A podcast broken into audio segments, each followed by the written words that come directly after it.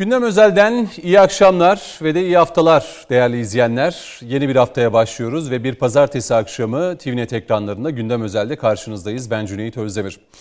Bugün içeriği konuşacağız, siyaseti konuşacağız değerli izleyenler. Dört değerli konuğumuz olacak. Biri İstanbul stüdyomuzda, biri Ankara stüdyosunda.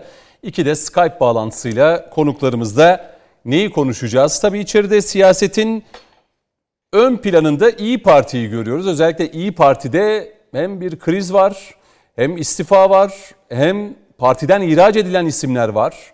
Tabii İyi Parti'den başka kopuşlar olur mu? Bunları konuşacağız. Ümit Özdağ'ın bugün ihraç edilmesi, neden ihraç edildi? Bu ihraç ne anlama geliyor? E, dakikalar öncesinde İsmail Koncuk'un istifa etmesi, e, grup toplantılarına katılmayıp Meral Akşener'i parti içi muhalefet olarak e, eleştiren bazı isimler de var. Bunlardan da acaba önümüzdeki günlerde çıkış olacak mı? E, açıklamalar gelecek mi? Bunları konuşacağız. İyi Parti'de neler olduğunu genel itibariyle değerlendireceğiz konuklarımızla birlikte.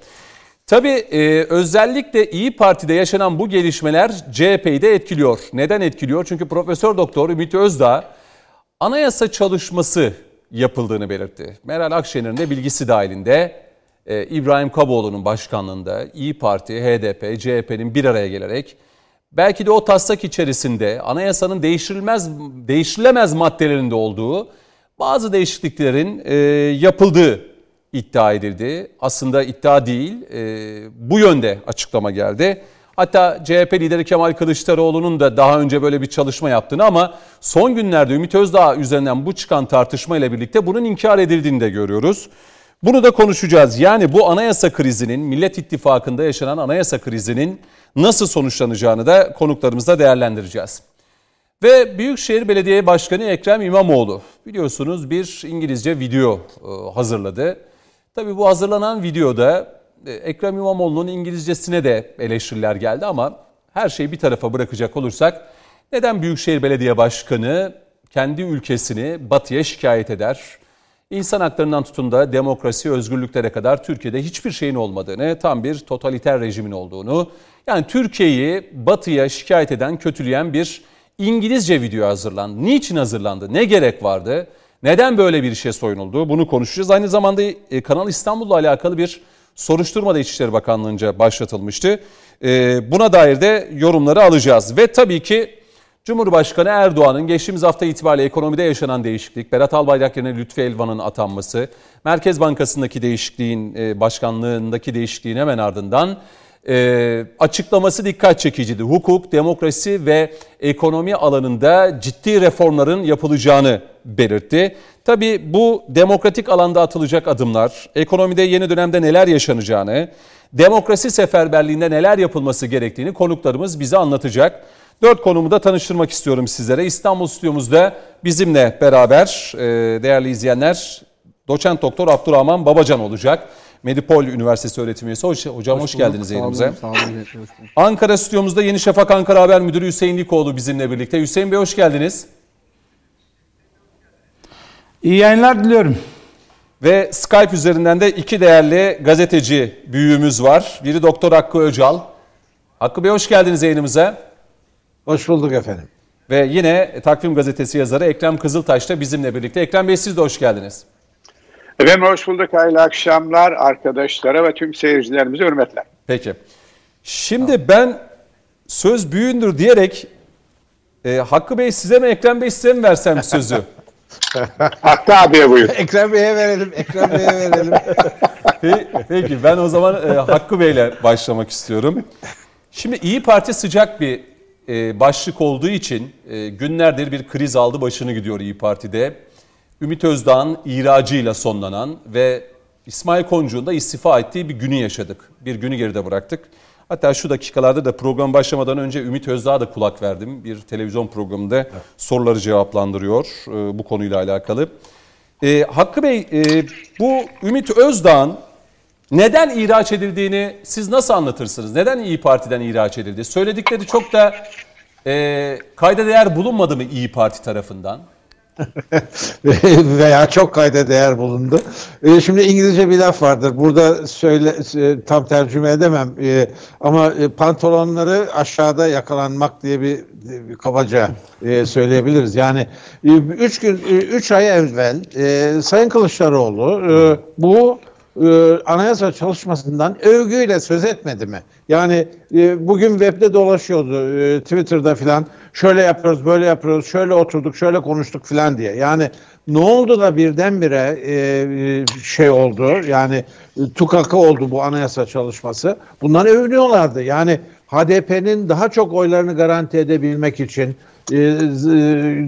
tabii tırnak içinde söylüyorum Kürt vatandaşlarımızın böyle bir federasyondan yana olduğu varsayımıyla federasyoncu bir anayasa taslağı yaptıkları e, övünerek söyle, söylüyorlardı. Hatırlıyoruz. E, webde duruyor. İnsanoğlunun e, hafızası nisyan ile maluldür ama arşiv unutmaz. Arşivlerde duruyor. Fakat şimdi e, e, son açıklama e, parti içerisinde yapılan açıklama e onları e, gardları düşükken yakaladı. Ve öyle bir açıkladı ki e, e, iddia sahipleri, e, sahibi veya sahipleri hı hı. E, ki bugün iddia sahiplerine e, Sayın e, e, Muharrem e, Bey de katıldı. Yani e, e, özetle e, böyle bir e, bölücü tırnak içinde veya federasyoncu, konfederasyoncu bir anayasa taslağı şu günlerde cazip değil budur olan, olan. Yani üç gün evvel HDP ile e, flört halindeyken onların oyunu kazanmak söz konusuyken böyle bir anayasa hazırlamaktan herkes e, gururla e, bahsediyordu. Şimdi şunu soracağım şimdi, o zaman. Ümit Özdağ partiden ihraç eden açıklama Buğra Kavuncu'yu FETÖ'cü olmakla suçlaması mı yoksa bu anayasa taslağı çalışmasını basınla ve kamuoyuyla paylaşması mı? İkisi ikisi aynı anda geldi. Yani e, bir e, e, parti içerisinde FETÖ'cülerin hala il başkanı olabilecek kadar hakim oldukları açıklaması akla otomatik şunu getirdi. Yani o sırada çıkan yazılardan falan da bunu anladık. Ben de öyle düşündüm. Ee, İyi Parti hakkında eskiden beri, e, kurulduğu günden beri bir proje partisi olduğu, MHP'nin oylarını bölmek üzere tasarlandığı, hı hı. E, hatta e, e, Aydınlık Gazetesi uzun uzun yazdı. E, Rand kurumunun Amerika'da yayınladığı bir rapor bile var ortada. E, bunlar yan yana getirilince yapılmakta olan işin bir proje olduğu, partilerin kendi özgür iradeleriyle, kendi orijinal iradeleriyle, kendi istekleriyle yaptıkları bir iş olmadığı bağlamında takdim edildi anayasa. Hmm. E, anayasa çalışması. Bunun için e, Sayın Akşener'in tepkisi çok yüksek oldu. Peki. Şimdi Ekrem Kızıltaş'a döneyim. Belki hani bu bugün yaşanan İyi Parti'deki sürecin sonlandığını mı düşünmeliyiz? yani e, Ümit Özdağ artık ihraç edildi ama bir soruşturma süreci de var. Hatta bugün kendisi de mahkemeye başvuracağını e, belirtti.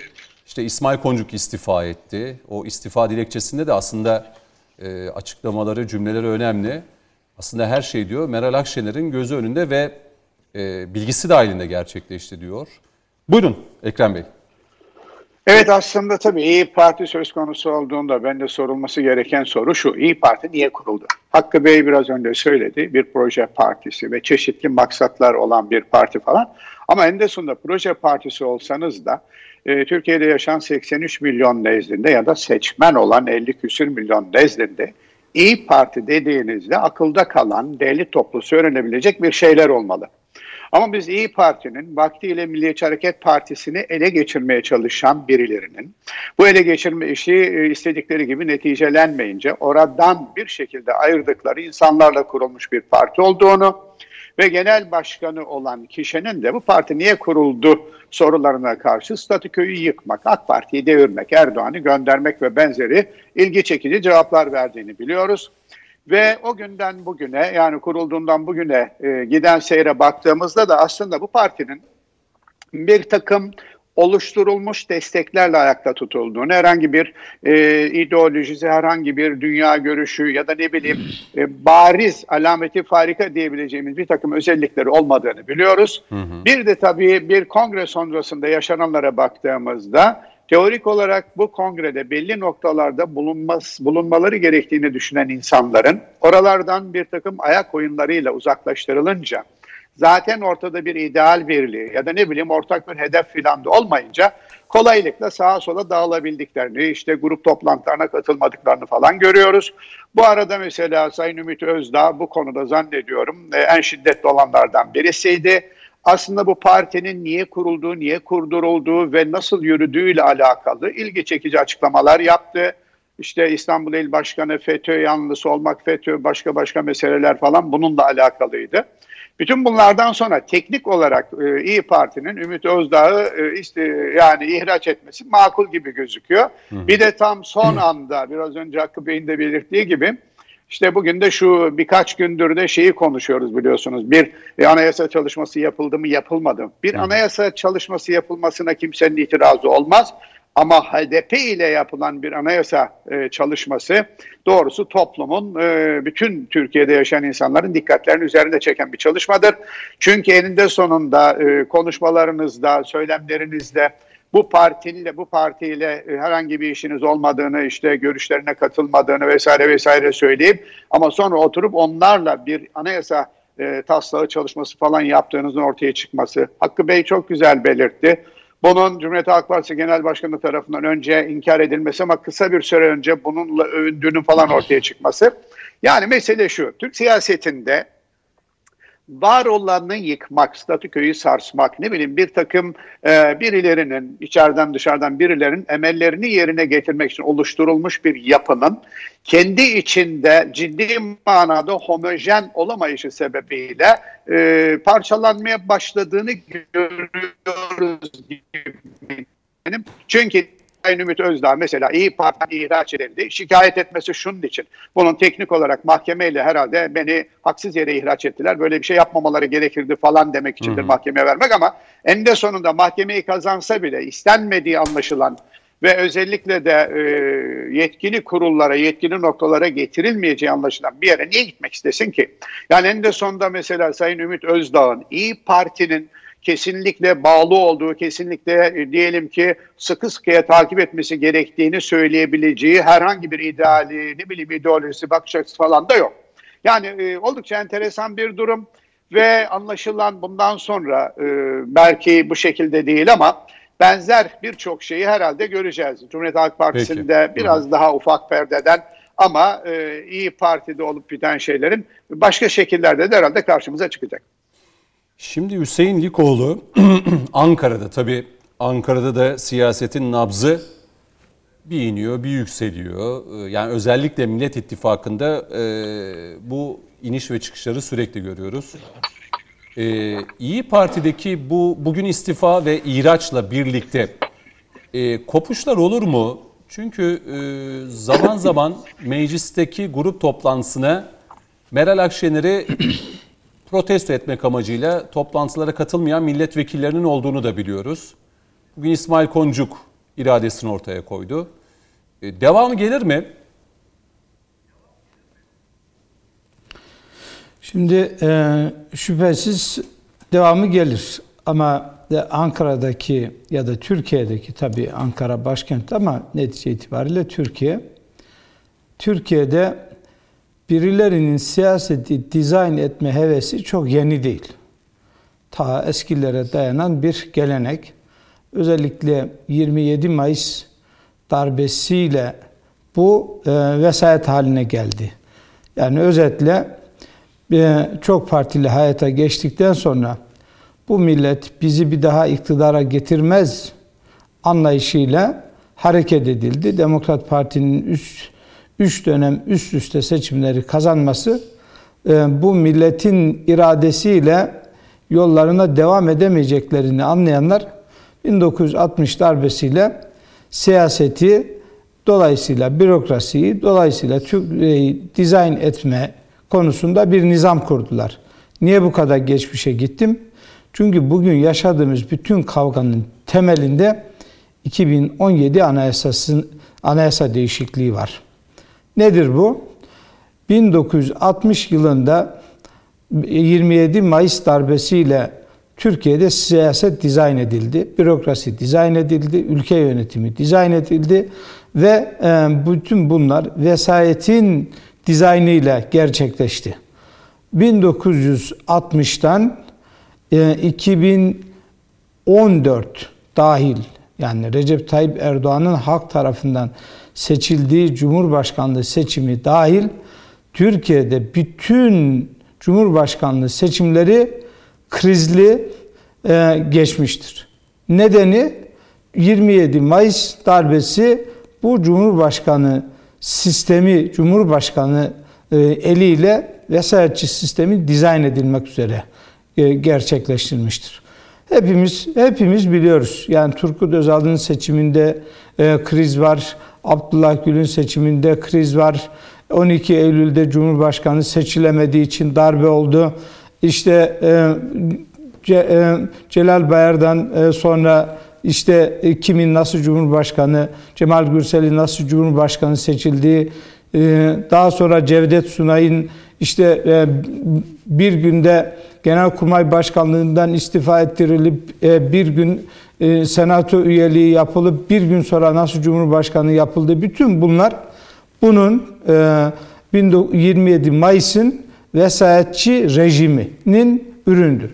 Şimdi 2017 yılında Türkiye bir anayasa değişikliğine gitti ve bu anayasa değişikliğiyle işte Millet Partisi'nin e, Millet İttifakı'nın bir araya gelmesinin temelinde bunlar var. E, ne kadar vesayetçiler varsa hepsinin bir arada gelmesinde bunlar var. Efendim e, beş benzemezin dünyada bir araya gelmeleri için hiçbir sebep olmayan yapıların bir araya gelmesinin nedeni bu. Nedir o? 2017 yılında Türkiye'de Cumhurbaşkanlığı hükümet sistemine geçildi ve anayasa değişti. Bu anayasa diyor ki Türkiye'yi yönetecek kişinin, kişilerin direkt halk tarafından seçilecek.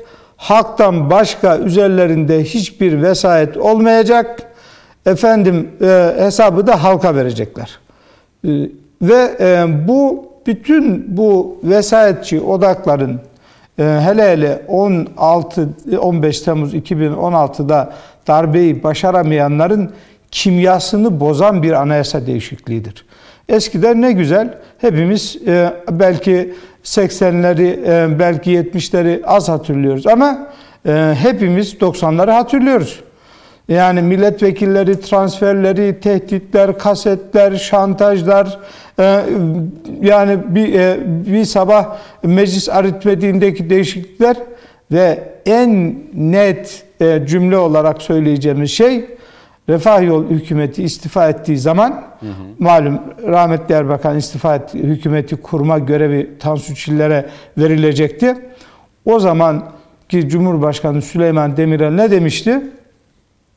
Ben e, sayısal çoğunluğa bakmam demişti. Niye? Çünkü o sayısal çoğunluğun bir şekilde değiştirileceğini biliyordu. Ve, ve nitekim e, Demirel Tansu Çiller'e hükümeti kurma görevi vermedi ve tam da o sayısal çoğunluk değişti. Kimisi parayla, kimisi şantajla, kimisi kasetle, kimisi bilmem hangi sebeple parti değiştirerek Türkiye'de milletten almadıkları yetkiyle iktidar olanlar oldu, başbakan olanlar oldu. Şimdi e, mesele bu kadar e, geniş açıdan bakmazsak bu kavgayı anlayamayız. Şimdi 2017 yılında ne oldu? Anayasa değişti. Bu anayasa değişikliğinden sonra Enver Altaylı iddianamesi ortada. Herkesin mutlaka defalarca okuyup çünkü bazen bir kere okuyunca anlamıyorsunuz, bağlantıları kuramıyorsunuz. Defalarca okuyup, defalarca okuyup bağlantıları yani ortaya koymamız gereken bir anayasa var. Bir e, iddianame var karşımızda. Ne diyor o iddianame? Bakın bu demin e, konuştuğumuz anayasa değişikliği gündeme henüz gelmeden önceki e, Enver Altaylı diyalogları e, Amerika Birleşik Devletleri'nde yaşayan bir e, FETÖ'cü üst düzey elemanla diyor konuşuyor. Bir araya geliyor. Diyor ki Türkiye'de diyor bütün muhalifleri bir araya getirmemiz lazım. Ne zaman söylüyor bunu? 2017'nin Ağustos'unda. E, referandum ne zaman yapıldı? Nisan'da. E, yani referandumdan 4 ay sonra, 5 ay sonra Enver Altaylı ki Enver Altaylı e, 1960'ta kurulan vesayet nizamının günümüze kadar her e, köşesinde yer almış en karanlık adam. Diyor ki bütün muhalifleri bir araya getirmek lazım diyor. İki, e, halkı sokağa dökmek lazım. Üç, halkın tek başına sokağa dökülmesi yeterli değil. Halkın cebine dokunacak şeyler yapmak lazım. Yani halk ekonomik sıkıntı içerisinde olacak ki sokağa dökülsün ve sokakta netice alsın. Ümit Özdağ ne diyor? Biz diyor İyi Parti'yi kurmadan önce Enver Altaylı ile nasıl görüşmüşlerse, nerede görüşmüşlerse bize dedi ki parti kurmayın. Haka, soka, halkı sokağa dökülün, sokağa çıkın. Peki Enver Altaylı'ya göre halk, e, halkı sokağa dökmek ve halkın cebine dokunmanın yolu nereden geçiyor? Bir, Almanların bu konuda bir çalışması varmış. İki, Suudi Arabistan ve Katar'dan Türkiye'ye gelen paraların e, gelişinin engellenmesi gerekir. Şimdi bu iddianamedeki senaryonun tamamını biz 2017 yılından bu yana yaşıyor muyuz? Yaşıyoruz. Beş benzemez bir araya geldi mi? Geldi. E, bu beş benzemez e, işte demin herkesin artık bir ateş topu gibi görüp elinden atmaya çalıştığı Kılıçdaroğlu'nun daha düne kadar savunduğu ama bugün savunamayacak hale gelmiş bu ateş topunu elinde atmak için hayır böyle bir anayasa yok dedikleri mesele oldu mu? Oldu. Peki Kemal Kılıçdaroğlu sabah akşam Katar'la ilgili e, iftiralar, yalanlar, karalamalar e, yapıyor mu? Yapıyor. Niye? Çünkü senaryoda Katar'dan gelen paranın kesilmesi gerekiyor yazıyor. Ve Kemal Kılıçdaroğlu da bu senaryodaki rolünü çok iyi oynuyor. Hmm. Son olarak hepimiz hatırlayacağız. Hmm. Ne dedi? Efendim Cumhur, Sayın Cumhurbaşkanı Kuveyt'te başsağlığı ziyaretinden sonra Katar'a uğradı. Katar emirinin karşısında eğilmiş. Niye eğilmiş? Para için eğilmiş. Efendim görüntüler var eğilmedi. Ya siz bilmezsiniz diyor. O ruhen eğilmiş diyor. Ben görürüm. Kalp gözüyle görmüş eğildiğini. Böyle bu rolünü iyi oynuyor. Şimdi e, bütün bunları e, göz önünde bulundurarak bugün yaşadığımız şey nedir? Bugün yaşadığımız şey demin e, Ekrem abinin söylediği işte hocamın anlattığı İyi Parti nasıl kuruldu ya baktığımız zaman zaten bir dizayn var. Yani bir dayatma var. Ee, böyle yapacaksınız diyen bir el var. Böyle olacak diyen bir irade var. Ee, bir siyasi mühendislik var. E, bu siyasi mühendislikte e, e, yani topluma dayanmazsanız, milletin iradesine dayanmazsanız, milletin dediğine kulak vermezseniz bu irade bir yerde patlar ve şu anda o siyasi mühendisliğin patladığını görüyoruz. Bu dizaynın tutmadığını görüyoruz. İşte bu e, beş benzemezi bir araya getirmeye çalıştığın zaman onu ancak 3 e, yıl, 5 yıl bir arada tutabilirsiniz. Evet. Artık daha fazla bir arada tutamayacağınız bir noktaya geldiniz. Dolayısıyla bugün yaşadıklarımız siyasi mühendisliktir. Bundan sonra farklı partilere de farklı e, yapılarda çok daha beklemediğimiz, tahmin etmediğimiz, öngöremediğimiz hareketler olabilir. Çünkü e, bu e, bu siyasi dizayn miadını doldurmuştur. Doldurmuş. Ha efendim bunun yerine yenisini koyarlar mı?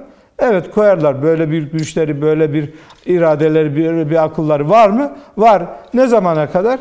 Ne e, işte mekanın sahibi millet iradesini yeniden ortaya koyana kadar yeni yeni e, bir takım hamleler yapabilirler.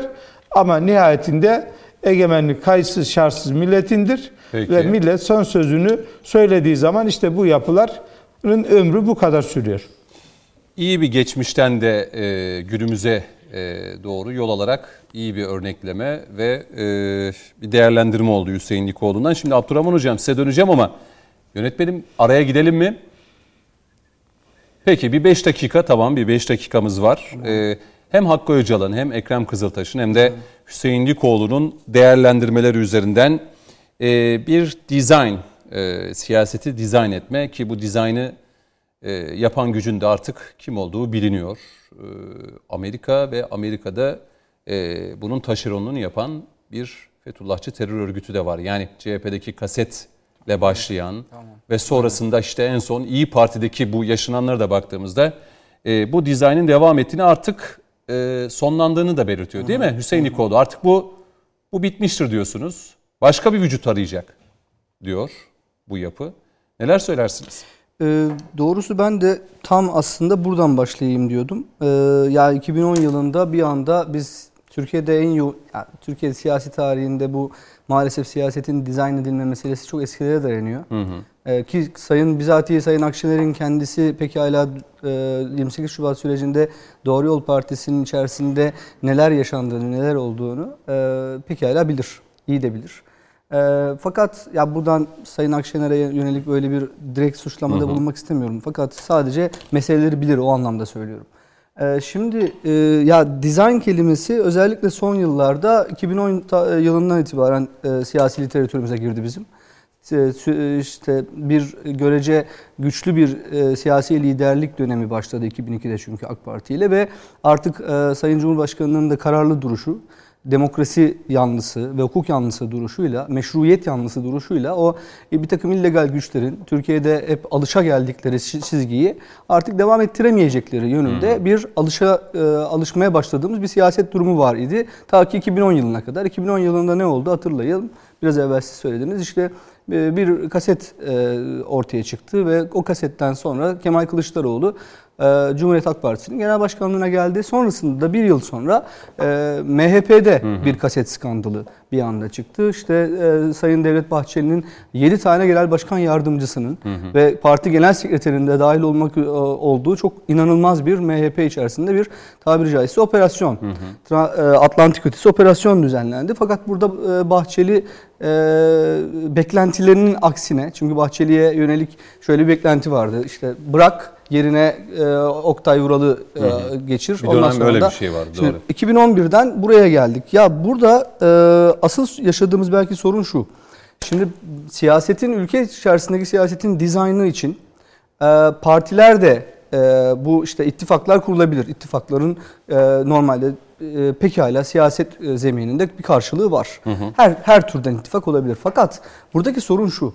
Şimdi Millet İttifakı'nı oluşturan ana bileşenlere baktığımızda her partinin kendi içerisinde bir aslında bir mühendislik ürünü olarak ortaya çıkan oluşumlar olduğu e, yönünde son e, 10 yıldır belki de bir bir, bir e, siyasi hava hakim. Asıl problem bu. Yani siyasi partilerin içinde evvela bir yapısal dönüşüm, bir e, paradigma dönüşümü, yapısalın da ötesinde bir paradigma dönüşümü yaşatılıyor. Burada bir siyaset mühendisliği icra edilmeye çalışılıyor ve bu da ittifak siyasetine ve buradan da ülkenin genel siyasetine yönelik bir siyaset dizaynı, mühendislik dizaynı olarak yansımaya e, uğraşılıyor. Öyle söyleyelim. Şimdi burada problemi İyi Parti özelindeki problemi ya işte, Ümit Özdağ'ın anlatmak istediği bu mu yani? İyi Parti e, operasyon çekiliyor diyor. Özetle operasyon çekiliyor diyor. Yani bu operasyon çekiliyor.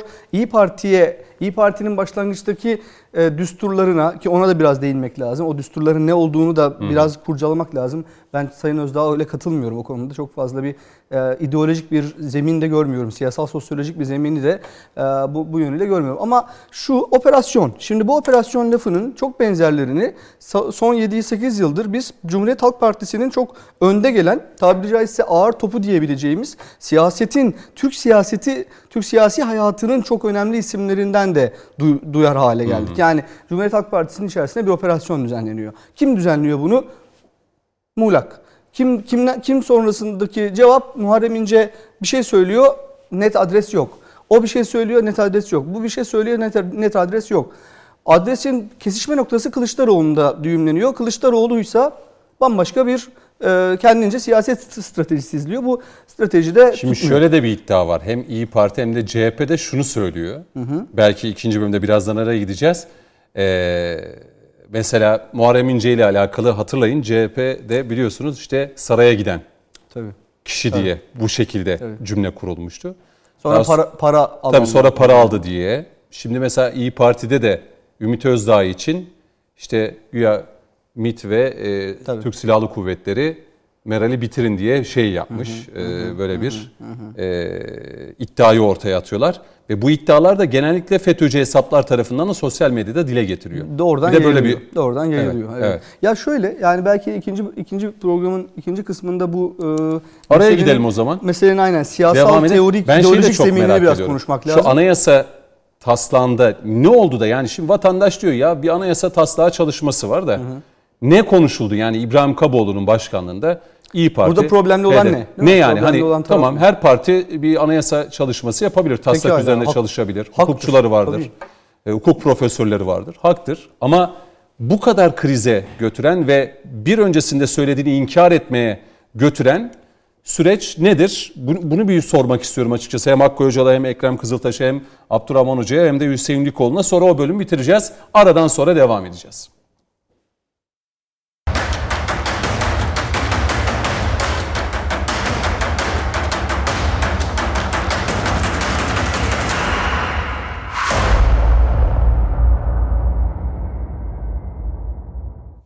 Gündem özel devam ediyor değerli izleyenler. Hüseyin Nikoğlu, Abdurrahman Babacan, Hakkı Öcal ve Ekrem Kızıltaş bizimle birlikte. Şimdi Ümit Özdağ'ın ihracı ve İsmail Koncu'nun istifası. İyi Parti'deki krizin devam ettiğini görüyoruz. Ee, hem FETÖ krizi var hem anayasa krizi var. Ee, bunu net bir şekilde görüyoruz. Şimdi şu Hüseyin Nikoğlu'nun belirttiği gibi yani beş benzemezin bir araya gelip bir anayasa e, hazırladığını da artık biliyoruz ve öğreniyoruz. Hakkı Öcal, e, bu dört parti nasıl bir anayasa hazırladı? Yani vatandaş da şimdi merak ediyor, bu tartışmaları görüyor işte, duyuyor. Ya anayasa çalışması yapabilir her siyasi parti. E, bunu birçok siyasi parti de yıllar öncesinde hep yaptı. AK Parti de yaptı hatırlayın. E, ama burada herhalde biraz detaya inmek gerekiyor. Ne oldu da bu kadar bu kriz hem İyi Parti'yi hem de CHP'yi de şu anda karıştırmış durumda? Yani bu anayasa taslağında ne oldu? Ne vardı da bu kadar e, kriz büyüdü? E- Eğer hazırlanan anayasa yani iddia edildiği gibi e, başkanlık e, sisteminden parlamenter sisteme geçmek falan gibi meşru bir iş olmuş olsaydı meşru derken seçmenin büyük çoğunluğunun e, ve, ve tabii yani böyle düşünmüşler bana göre değil ama ne yapalım öyle istiyorlar diyebileceği bir şey olmuş olsaydı mesele yoktu. Yani zaten e, öyle olmadığı için gürültü koptu. E, iddia edilen şu e, ki e, çok açık ve seçik belli yani e, aksi takdirde niye bunu gizlesinler? E, e, HDP'yi ile aralarında yani yaptıkları ilk ittifakta e, PKK'nın temsilcisi olarak HDP şeklinde tırnak içinde bir suçlama vardı. Dolayısıyla HDP ile e, aralar biraz açıldı, soğudu. Çok her şeyi çok açık yapmaz oldular. HDP ile ilişkileri çok sıcak ve belirgin olmaktan çıkarttılar. Nitekim HDP'li e, grup başkan vekili e, çıktı parlamentoda konuşma yaptı. Sayemizde buraya girdiniz. E, nedir bu afranız safranız yani bize e, böyle havalar falan atmayın. Doğru dürüst gelin e, ne, ne diyorsak yapın diye. Yani şurası da çok açık yani İstanbul'da belediye başkanı falan kazanmaları ancak HDP'nin dürtüklemesiyle oldu. Ee, Birçok yerde de böyle oldu. Bunu biliyoruz. Ama HDP ile aralar açıldı biraz. En azından herkesin önünde ifade etmez hale geldiler. Dolayısıyla an- anlıyorum ki e, bu e, bütün bu e, şeyde bir kukla oynatıcısı var bir yerlerde. O kukla oynatıcısı e, Washington'da mı nerelerde oralarda Pennsylvania bir yerlerde oturuyor. O dedi ki arkadaş bu aranızın açılması bu kadar iyi değil. Çünkü yani bir sonuç itibariyle HDP kapatılır mapatılır yani siz de ondan yüz çevirirseniz karşı taraf güç alır bundan. HDP'yi kapatır ve şu sırada yeni bir parti kurmak bizim için zor olur. Dolayısıyla siz bu HDP'yi gelin tekrar hoşnut tutun dediler. Ve HDP'yi hoşnut tutmak için böyle el altından gizlice bir gel senden bir anayasa yapalım. Bak eğer biz böyle bir imkan ele geçirirsek ya hayal ya geçirirsek e, orada işte federasyona gideceğiz. Türkiye'yi 25 bölgeye böleceğiz. E, şunu söyleyeyim yani e, bir yönetim tarzı olarak federasyon e, dünyanın sonu değil. Korkunç bir şey değil. Ama bunu kiminle ve hangi sahikle yaptığınız çok önemli. Yani e, Doğu vilayetlerimizin yönetimi PKK e, ne bileyim e, şu, şunun bunun eline geçsin diye bir federasyona gidersiniz o başka bir şey ama Türkiye'yi mesela şu anda bu e, e, rahmetli Özal'dan bu tarafa gelen bir e, kalkınma ajansı meselemiz vardır bizim. Yani e, e, vilayetlerin üzerinde kalkınma ajansı bölgeleri vardır ve o birçok kalkınma faaliyetini bu kalkınma ajansları götürür. Bu bu bir tür federasyon işte. 4-5 vilayet bir araya geliyor ve kalkınma sorunlarını bu çerçevede yapıyorlar. Ama bu merkezi bir devletin tek bir üniter yapının içerisinde yapılıyor. Hı hı. Ha, siz böyle yapmaz da e, zihninizin gerisinde HDP'yi hoşnut etmek ve onlara da böyle bir Türkiye'yi böleriz, oraları siz yönetirsiniz, buralarda biz yönetiriz diye bir bir parmak bal çalmak falan gibi bir şey yapılıyorsa o zaman bunu açıklamazsınız. Yani e, bunun e, Türk e, seçmen nezdinde bir e, yansıması olur mu? E, filan e, onların hiçbirisi önemli değil şu sırada. Şu sırada sizin bir tek derdiniz var. HDP'yi mutlu etmek. HDP'yi bu ittifaktan çekilmeye, e, dışarı çıkmaya bilmem neye filan e, tehlikeleri önlemek. E, bunun için zaten bu da ortaya da çıkmayacak. Niye? Çünkü efendim daha biz o milletvekili seçimi olacak. Parlamentoda gerekli çoğunluğu ele getireceğiz de. Ondan sonra bu anayasa taslağı ortaya çıkacak. O zamana kadar şöyle e, etek altında yani e, arka odada bir, bir şey yaparız. Bunu da kimse duymaz e, ve biz bu bizim yanımıza kalır. Plan buydu.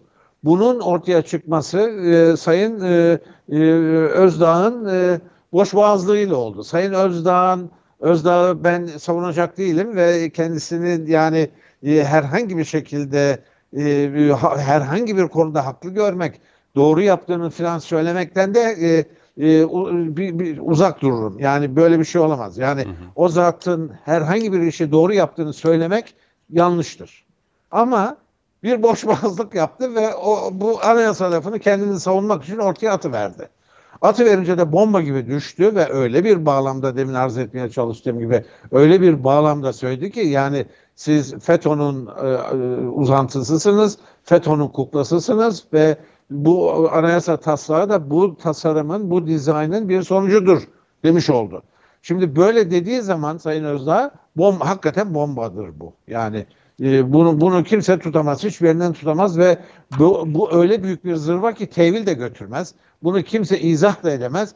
Bütün yapacakları şey işte böyle hep bir ağızdan inkar edersek e, yok böyle bir şey nereden çıkmış? O, e, mesela Sayın Kılıçdaroğlu şey dedi e, böyle bir e, düşünce kuruluşu bir şey yapmış. Oraya da bizden bir çocuklar falan gitmişler filan. Öyle bir hava ki böyle tavla oynarken anayasa konuşmuşlar filan gibi ifade edildi. Yani e, böyle dersek bunu önleriz ve bu AK Parti'nin eline bir koz veya e, Milliyetçi Hareket Partisi'nin eline bir kozu olarak geçmez diye bir varsayım var kafalarında.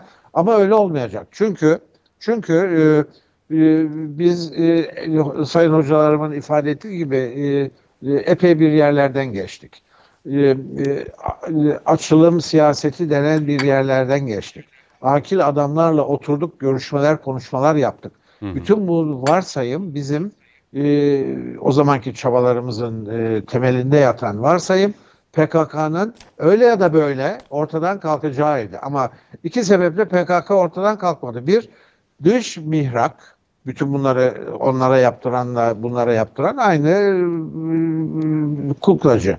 O kuklacı dedi ki yok arkadaş siz silah falan gömemezsiniz. Onların buradaki adamlar da e, gazetelerde yazılar yazdılar. Cumhuriyet Gazetesi'nde makaleler çıktı gördük.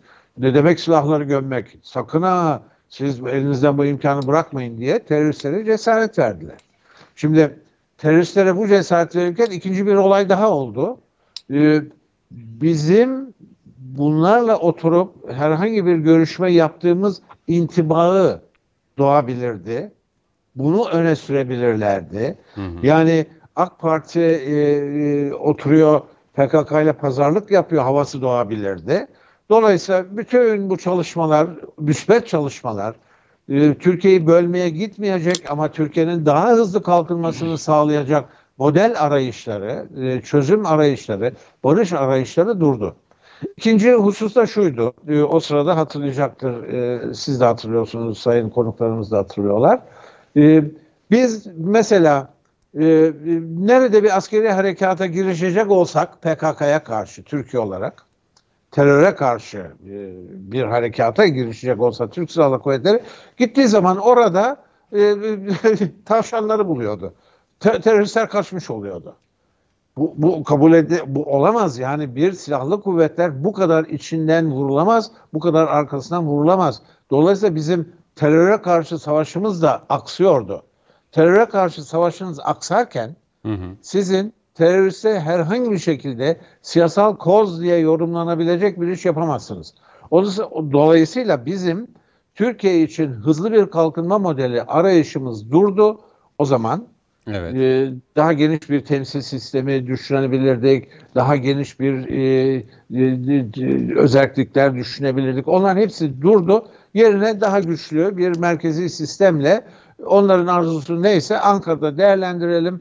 O bölgeye bunu uygulayalım diye hızlı kalkınma modeline geçtik. Başkanlık sistemine iyi de oldu. Sonuçta alıyoruz. Ee, sorunuzun cevabını biraz uzun verdim ama sonuç itibariyle bu planın yapılmasının arkasındaki sebep budur. Yani böyle bir anayasa yapmaya bunları sevk eden e, böyle bir beklentidir.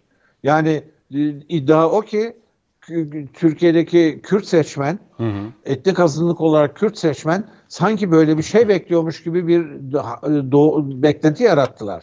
Rand Corporation'ıyla, şununla bununla Evet. oturdular, raporlar yazdılar ve Türkiye'ye böyle bir model empoze etmeye kalktılar. Ama e, dediğim gibi iki yönden o plan çöktü. Şimdi bunlar da e, Evet. HDP'yi bu suretle kandırmaya kalkıyorlar. HDP'de çok kan- kanacak gibi değil. Şimdi Hakkı Öcal'ın bu söylediklerinden Hüseyin Likoğlu size e, döneyim. Şimdi bu siyasi partilerin iki yıl önce anayasa hazırladık demeleri, ardından bugün bu tartışmalar da Ümit Özdağ'ın başlatmış olduğu bu iddialar üzerine bunun inkar edilmesi, bunun yalanlanması genel başkanlar düzeyinde neden korktukları ya da çekindikleri bir şeyin var? Seçmenden mi, tabandan mı, vatandaştan mı? Nedir yani? S- Sayın Kılıçdaroğlu'nun iki yıl önceki açıklamasına bakıyoruz, bugünkü açıklamaya bakıyoruz. Tam zıt e, açıklamalar. Ne olabilir? E, Neden çekiniyorlar? Seçmenle... Şimdi demin e, birinci bölümde Hı hı, buyurun, buyurun, buyurun. birinci bölümde Hakkı Hocam önemli bir tespitte bulundu. Dedi ki şimdi alıcısı yok dedi. Şimdi e, sürece baktığımız zaman 2018'in e, Şubat aylarında bu çalışmayı yapmışlar. E, İyi Parti'den istifa eden Adem Taşkaya bununla ilgili şöyle bir tespiti var.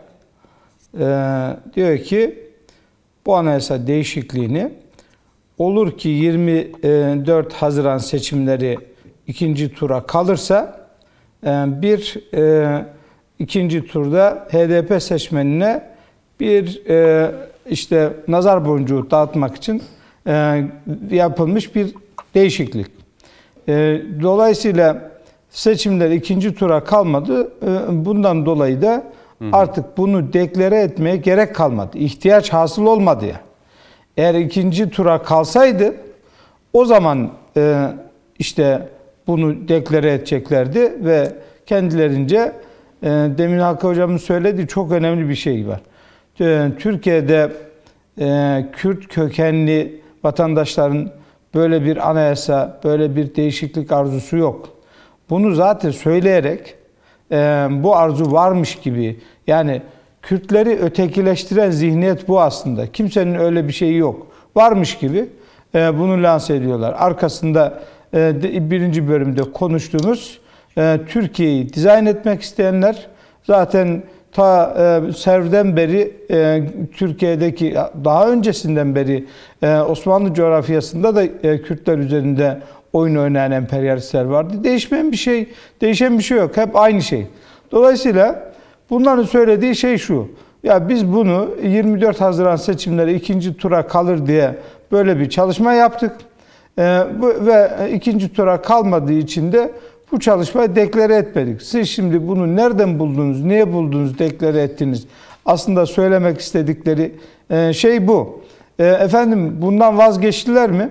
Bakın bugün e, İyi Parti'den istifa eden İsmail Koncuk'un e, ilginç bir açıklaması var. Diyor ki bunlar diyor iktidara gelmek için diyor, iktidar için diyor PKK'ya bile evet derler. Bu ifade kısmen doğru ama mesele iktidara gelmek meselesi değil. Demin konuştuğumuz Türkiye'yi yeniden o vesayetçi rejime döndürmeye e, isteyenler PKK'ya dahil her şeye evet derler. Şey İsmail Koncuk direkt şunu söyledi Hüseyin mesele- Yıkoğlu. İktidar olmak için yani o cümleyi ben de nota almıştım. İyi ki hatırlattınız. İktidar olmak için her yol mübah diyorlar.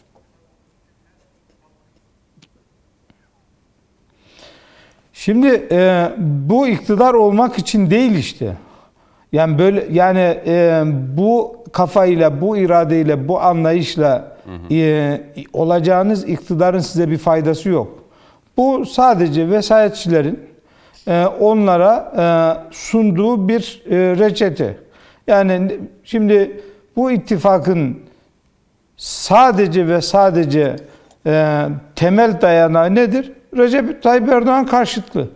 Yoksa Recep Tayyip Erdoğan karşıtlığı dışında bu insanları siz bırakın bir çatı altında bir araya getirmek, e, belki bir yemek masasında bile bir araya getiremezsiniz.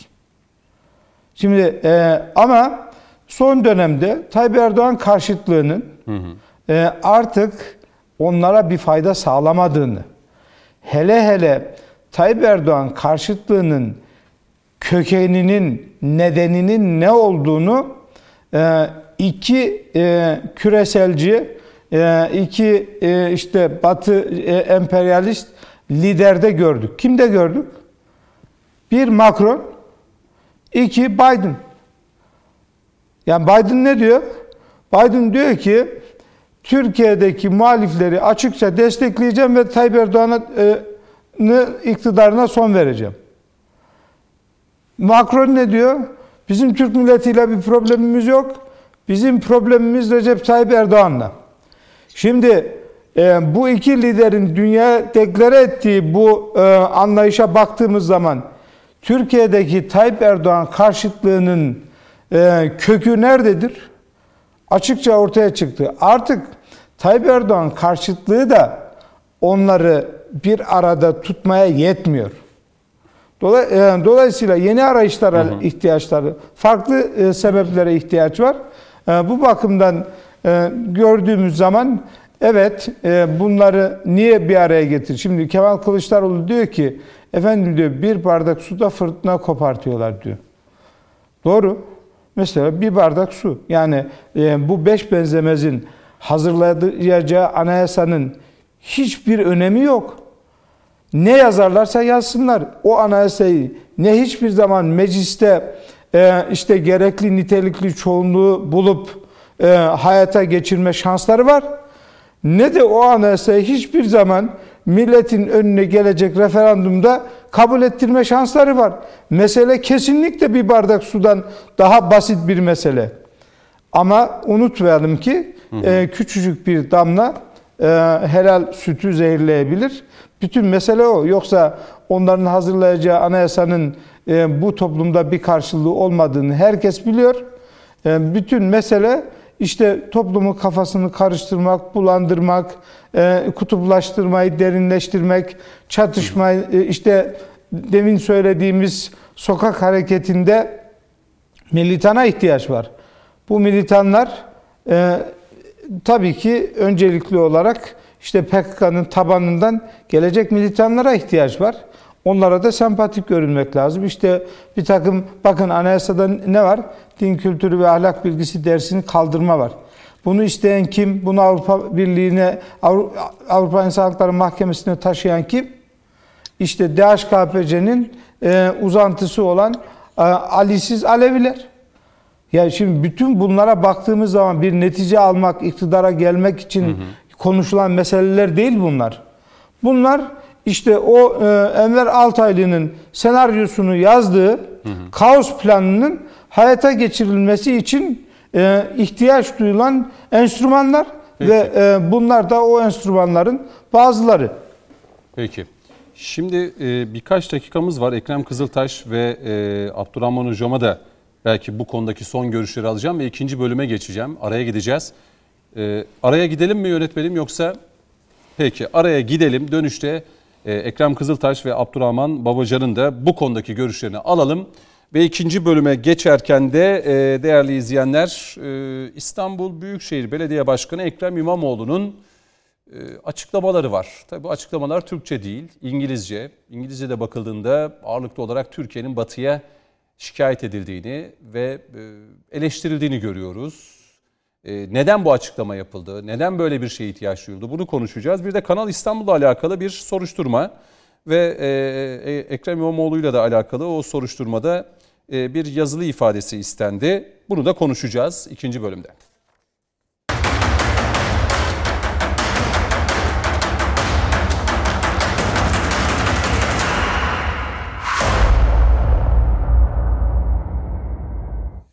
Evet gündem özelin ikinci bölümüne başlıyoruz değerli izleyenler. Hüseyin Nikoğlu Ankara stüdyosunda, doçent doktor Abdurrahman Babacan bizimle İstanbul stüdyosunda, Ekrem Kızıltaş ve doktor Hakkı Yücal da Skype'la e, yayınımıza katılıyorlar. E, şimdi bu bölümü bitirmeden önce hem Ekrem e, Kızıltaş'tan hem de Abdurrahman Hocam'dan bu anayasa kriziyle alakalı ekleyecekleriniz mutlaka vardır. Önce Ekrem Bey size döneyim sonra Abdurrahman Hocam'la bitireceğim.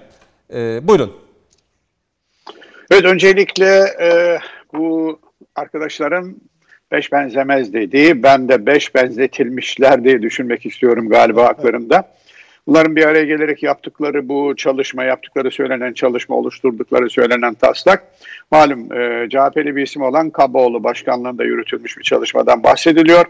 Kaboğlu'nu ben e, özellikle geçtiğimiz Mayıs-Haziran'da Ayasofya'nın açılması sürecinde yaptığı bir açıklamadan hatırlıyorum.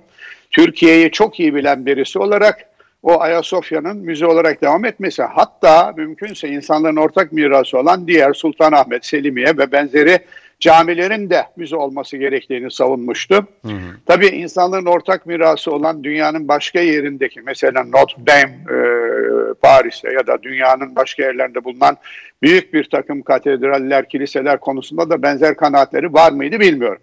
Ama Türkiye'deki camilerin e, insanlığın ortak mirası olduğu için buraların müze olması yani ibadete kapatılması gerektiğini savunabilmiş bir isimdi. Böyle birinin başkanlığında oluşturulan bir komisyondan çıkacak anayasanın ne olduğunu üç aşağı beş yukarı tahmin ediyoruz. Arkadaşlar da söyledi. Buradaki konu şu. Bakın siyasi partiler tek başlarına e, bu ülkede iktidara gelmek için var olurlar. Temel e, tezin bu olması gerekiyor.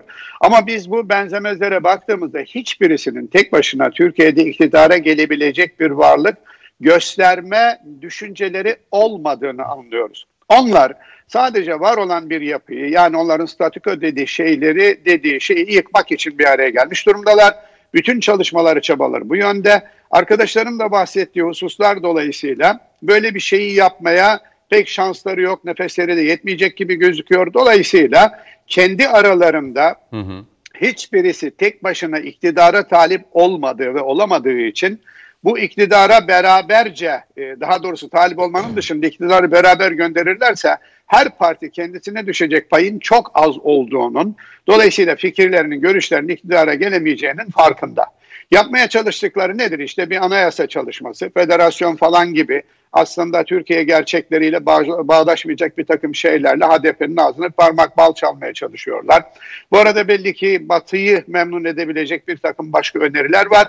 Bunu da çok fazla dillendirmiyorlar çünkü benzemezler arasında bu çalışmaya katılanlardan mesela e, Diyanetle alakalı fikirler, din dersiyle alakalı fikirler gündeme geldiğinde ciddi kan kaybı söz konusu olabilir. Öbür taraftan hepsinin ısrarla üzerinde durdukları şey ne? Güçlendirilmiş parlamenter sistem. Ben burada özellikle Hakkı Hocam'a ve Abdurrahman Bey'e, akademisyen ikisi de şunu söylemek isterim. Keşke bir imkan olsa da 1950'den başlayıp Cumhurbaşkanlığı hükümet sistemine kadar Türkiye'deki parlamenter sistemin güçlendirilip yeniden getirilmeye çalışılan parlamenter sistemin ağırlıklı olarak nasıl kullanıldığına dair bir araştırma yaptırsalar. Mesela ben şunu merak ederim. Gen soru biliyorsunuz denge ve denetleme sistemi olarak bize aktarıldı. Hı hı. Ama ben bizim demokrasi tarihimize baktığımızda gen soruların özellikle de koalisyon dönemlerinde e, Türkiye'de yapılacak her şeyi engelleme mekanizması olarak kullanıldığını biliyorum. Bir yerde okumuştum, detaylarını bilmiyorum. Arkadaşlar bu konuya eğilir, bir araştırma falan yaptırabilirlerse herkes çok memnun olur.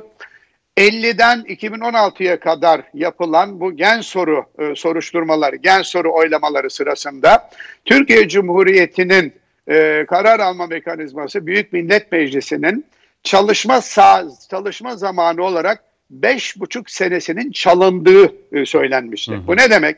Her bir gen soru soruşturması netice alınsın ya da alınmasın 810 gün meclisi bloke eden bir şeydir.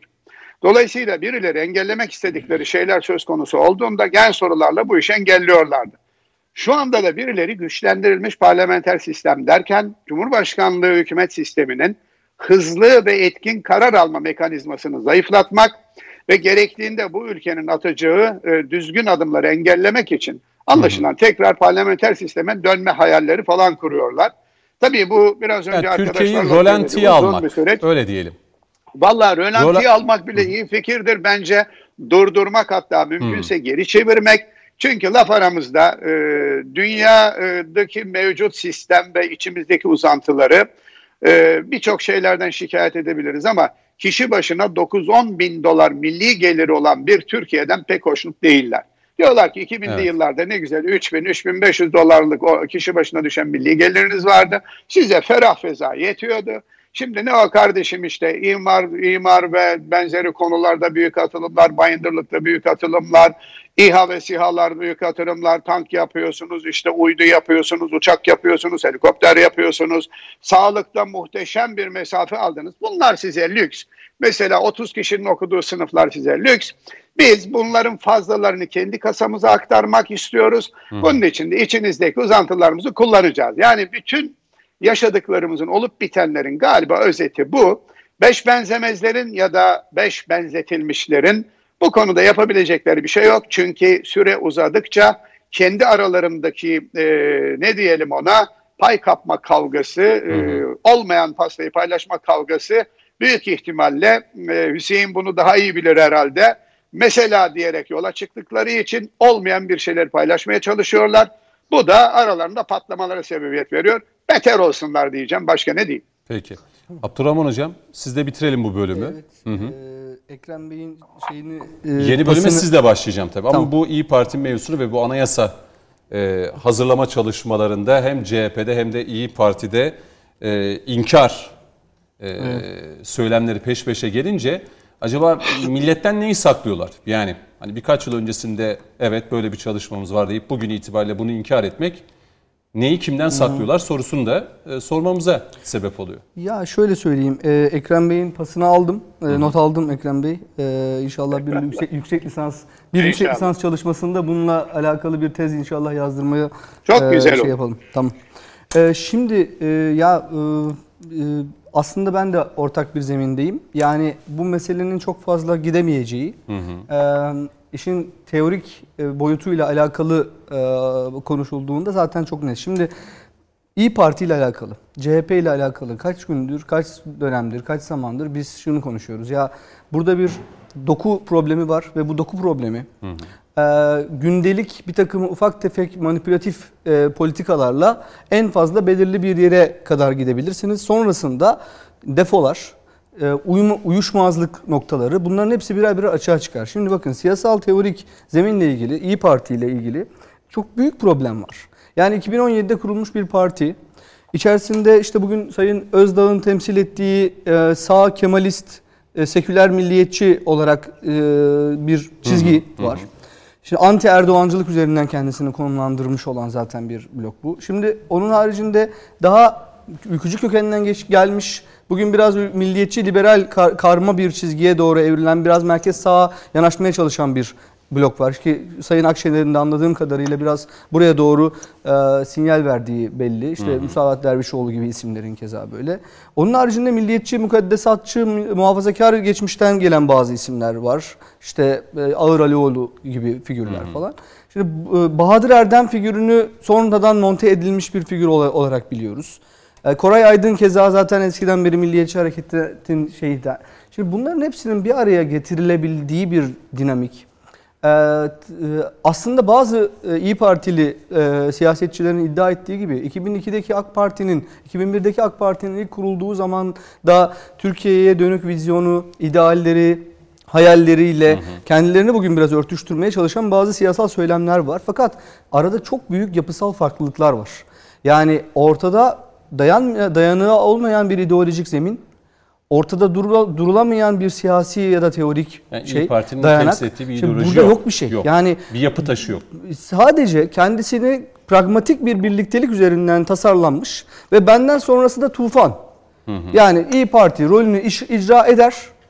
Ee, ondan sonrası kaos, sistemik kaos ve sistemik boşluk. Şimdi böyle sadece tek siyasal taahhüdü, vaadi bu olan bir siyasal çizgi e, çok kısa vadeli zaten inşa edilmiş. Çok pragmatik, ihtiraslı e, bir oluşumdur. Ve bu oluşum e, size, bize, bu ülkenin hayallerine, bu ülkenin geleceğine, gençlerine yönelik hiçbir şey sunmaz. en fazla dediğim gibi e, işte sosyal medyanın yeni kanalları üzerinden bir iki ufak manipülatif hareketle ya da işte çok kısa vadeli bir takım işte dediniz ya niye saklıyorlar? İşte çünkü kendilerine göre belirledikleri çok dar, çok ufuksuz, küçük hesaplı bir siyasal ajandaları var. Bir siyasal takvim var. O, o ne? İşte 2021 mi, 2022 mi, ne zaman olacaksa 2023 mü, ne zaman olacaksa o se- seçim.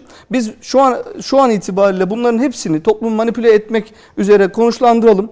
Birliktelik kuralım. Bu birlikteliği de mümkün olduğu kadar onu susturalım. Bunu buna mavi boncuk dağıtalım. Ona başka bir şey yapalım falan gibi. Ee, ya bunun denemesini işte 2019 yerel seçimlerinde yapıp bunun böyle kısa vadeli sonucu alınıyor gibi gör, görülmesi anla- anladığım kadarıyla siyaset yapıcıları, bu partilerdeki siyaset yapıcıları biraz aldattı. Oysa yerel seçimlerin dinamiği çok farklı işler. Ülkedeki genel siyasal manzara çok farklı işler. Şimdi şöyle düşünün. Bakın bir yandan Diyanet'le ilgili meselesi, işte din dersleriyle alakalı, LGBT meselesiyle alakalı, federasyon, konfederasyon, ne Ana dil. önerildiği, ana dil, eğitim. Şimdi bunlar ülkenin temel yapı taşlarıdır. Bir hizmet siyasetine ilişkin şeyler değildir bunlar. Bunlar doğrudan anayasal e, hükümde işte sosyal sözleşmeye ilişkin olan temel hususlardır ve bu temel hususlar öyle toplumu kısa vadeli bir takım e, sosyal medya şeyleriyle manipüle etmenizin çok dışında çok farklı gelişebilecek bir dip dalgaya daya- dayanması gerekir. Ha bu dip dalga toplumsal karşılığı var mı yok mu sorusunu analiz etmişlerdir. İşte Sayın Kılıçdaroğlu'nun söylediği gibi TÜSES işte e, Yüksel Taşkınların falan bir araya gel- gelerek bunun böyle siyasal, sosyolojik analizlerini yapmıştır ve demişlerdi kardeşim bizim toplumdaki yeni dinamiklerde bunun karşılığını görüyoruz.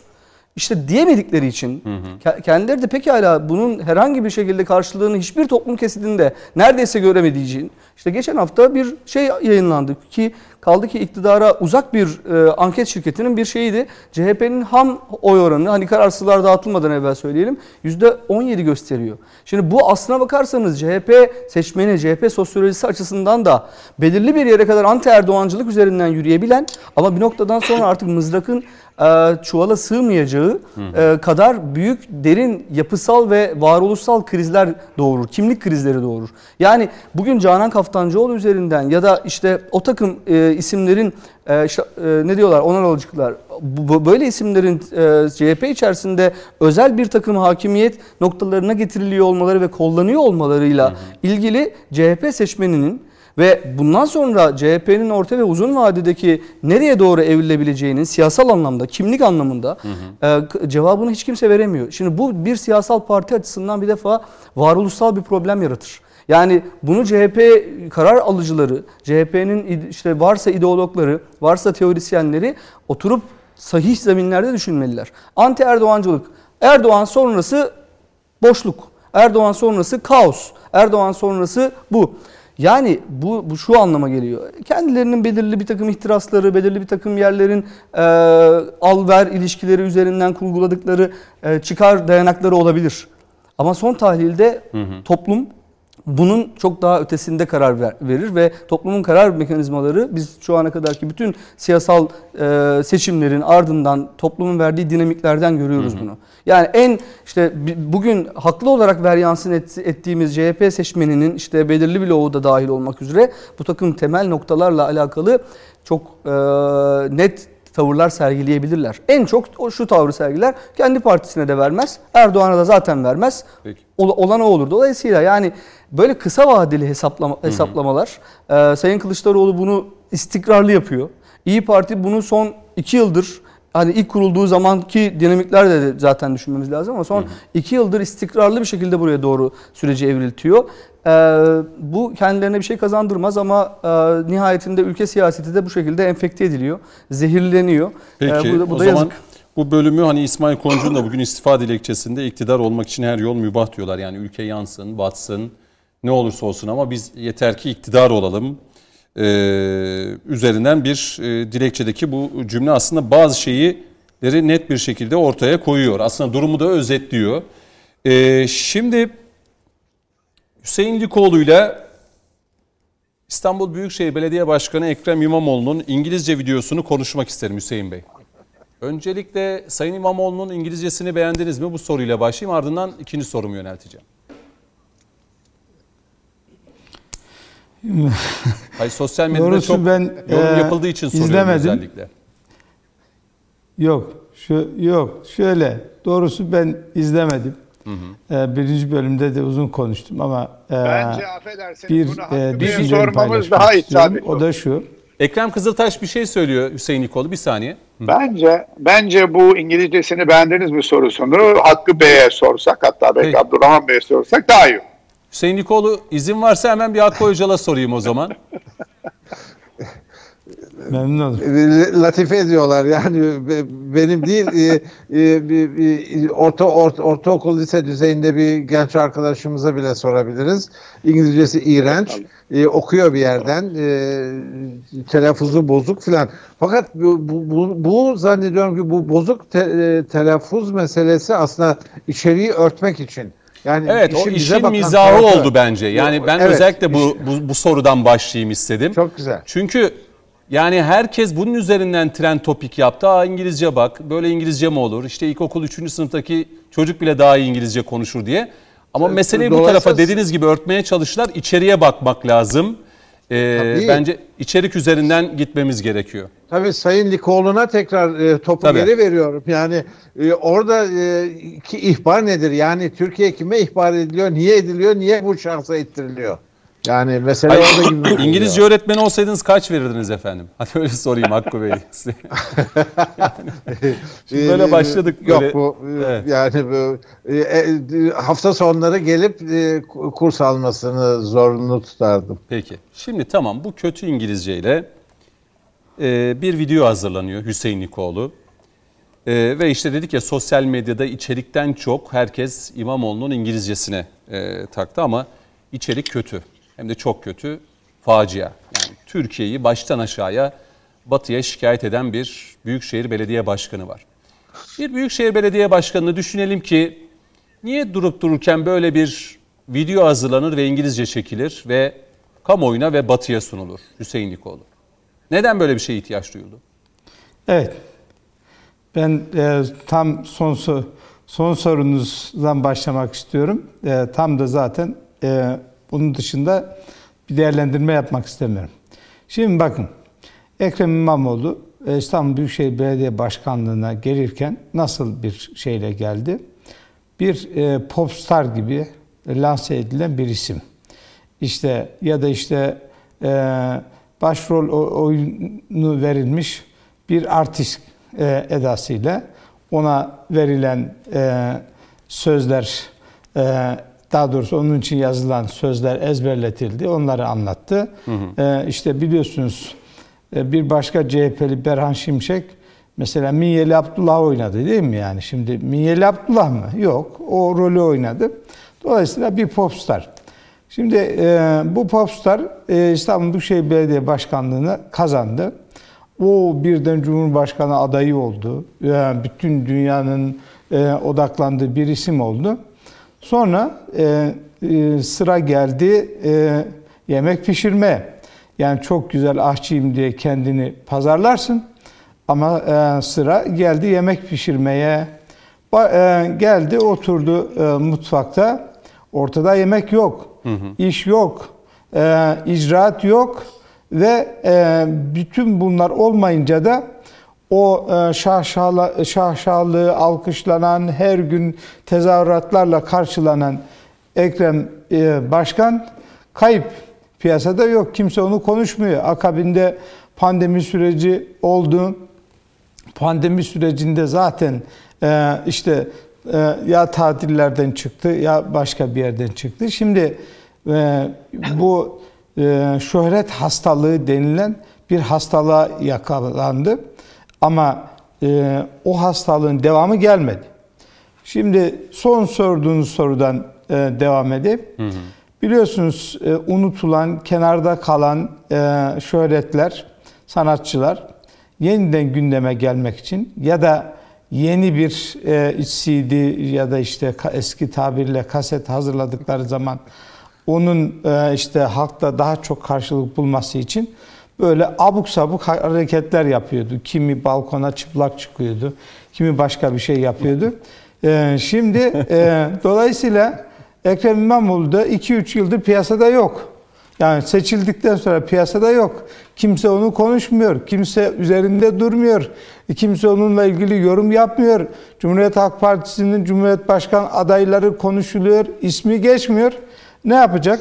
İşte böyle bir kasetle karşımıza çıktı yeniden gündem olmak istedi. Ben de buradayım, beni de görün, beni de eleştirin, benimle ilgili de bir şey söyleyin. E, o şeyle karşımıza çıktı.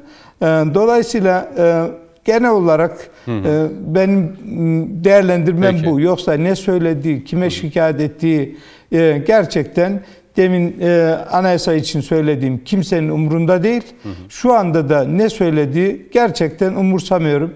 Ne izledim, ee, işte sadece haberlerden okudum ne söylediği. Peki. Ee, ya kendine yakışanı yaptı. Ama e, böyle illa beni de görün ben de buradayım e, yaklaşımı bence daha çok öne çıkan davranışı oldu diye düşünüyorum. Ekrem Kızıltaş, e, Hüseyin İkoğlu bunu söylüyor. Yani gündemden düşmeme adına herhalde bundan sonraki dönemlerde de zaman zaman e, Ekrem İmamoğlu'nun bu benzeri videoları olacak gibi sanki. Katılıyor musunuz yoksa hani bir ajans var deniliyor ya Ekrem İmamoğlu için. Hani evet. bir, bir el vardı, bir minibüsten çıkan bir el vardı. Hatırlayın bir soruya tam cevap tabii. verecekken o el bir anda çıktı ve minibüsü aldı. Evet. Bu el mi? Yani bu durumda bu durumda o el kayboldu ya da o ajans ortadan kayboldu diyebilirim. Aslında Hüseyin'in Hüseyin'in söyledikleri anlamlı. Fakat e, ortada tuhaf bir şey var. 15 milyonluk bir şehrin belediye başkanı olan bir kişi. Hı hı. Biraz önce Hakkı Hoca haklı bir şekilde söyledi. Yani bir ortaokul talebesinin bile baktığında beğenmeyeceği bir İngilizceyle konuşma yapıyor. Bunu işte güya Türkiye dünyayı şikayet ediyor. Hı hı. Aslında bakın e, devlet adamlarının özellikle e, kendi dilleriyle başka bir dili çok iyi biliyor bile olsalar kendi dilleriyle meramlarını anlatmaları bence çok önemli bir konudur. Neden? Çünkü başka dili ne kadar iyi bilirseniz bilin, ana diliniz değilse o dil, meramınızı anlatma konunuz konusunda problemler olur. Ama kendi dilinizle meramınızı anlatır ve o hitap etmek istediğiniz kitlenin diliyle de altyazı verirseniz daha makul bir şey olur. Burada e, tuhaf bir durumla karşı karşıyayız. Hüseyin'in söyledikleri geçerli olabilir ama bana sanki daha vahim bir durum varmış gibi Nedir geliyor. O? Ya o ajans ortada yok ve Ekrem İmamoğlu ortada işte varlık göstermek için böyle bir şey, bir video çektirdi. Büyük ihtimalle çevresinde bulunanlar ya onu ikaz edemediler ya arkadaş yani tamam e, sesini duyurmak için reklamın kötüsü olmaz da denebilir ama yani bu, bu kötü bir şey. Çünkü eninde sonunda bir sen İngilizcen e, yeterli değil, prompterdan konuşuyorsun falan ama telaffuzun falan kötü. Bunu bırakın e, ortaokul talebesini şunu bunu. Türkiye'deki 83 milyon insanın anlaması da mümkün. Neden? İnsanlarımız şu anda yüzlerce televizyon kanalı var. İsteyen altyazılı İngilizce filmler falan izliyor. Dolayısıyla İngilizce konuşmanın nasıl yapıldığını bilmeyen insan yoktur bu ülkede. Bu, bu sakil bir durum ama kötü bir şeyle, ya reklamın kötüsü olmaz diye ben öne çıkmak istediğini zannetmiyorum. ya kendisini uyarmadılar ya da uyarmaya cesaret edemediler. Yani başkana ya başkanım İngilizcen kötü yani okuyarak yapıyorsun bu böyle çıkmak iyi değildir diyemediler muhtemelen. Böyle bir şey ortaya çıktı. Tabii esas konu da şu. İstanbul Büyükşehir Belediye Başkanlığı'na gelmiş bir kişi niye böyle bir şey yapar? Niye Türkiye'yi şikayet eder? Ee, öne çıkma gayreti falan olabilir ama anladığım kadarıyla e, bir hikayesi olmayan, kendisine gerçi sonradan kendisini seçilmesine zemin hazırlayanlar kendisini kahraman olarak bize lanse etmeye çalıştılar ama geriye doğru baktığımızda bir hikayesi olmayan işte Beylikdüzü Belediye Başkanlığı var bir dönem. Orada da 37 e, vaatte bulunup iş başına gelip bunlardan sadece sadece ikisini üçünü yapan bir e, portre var karşımızda. Hı hı. İstanbul Büyükşehir Belediye Başkanı olarak geliyor. Burada hemen arkasından işte Cumhurbaşkanlığı seçimlerinde aday olacakmış falan gibi havalara da giriyor.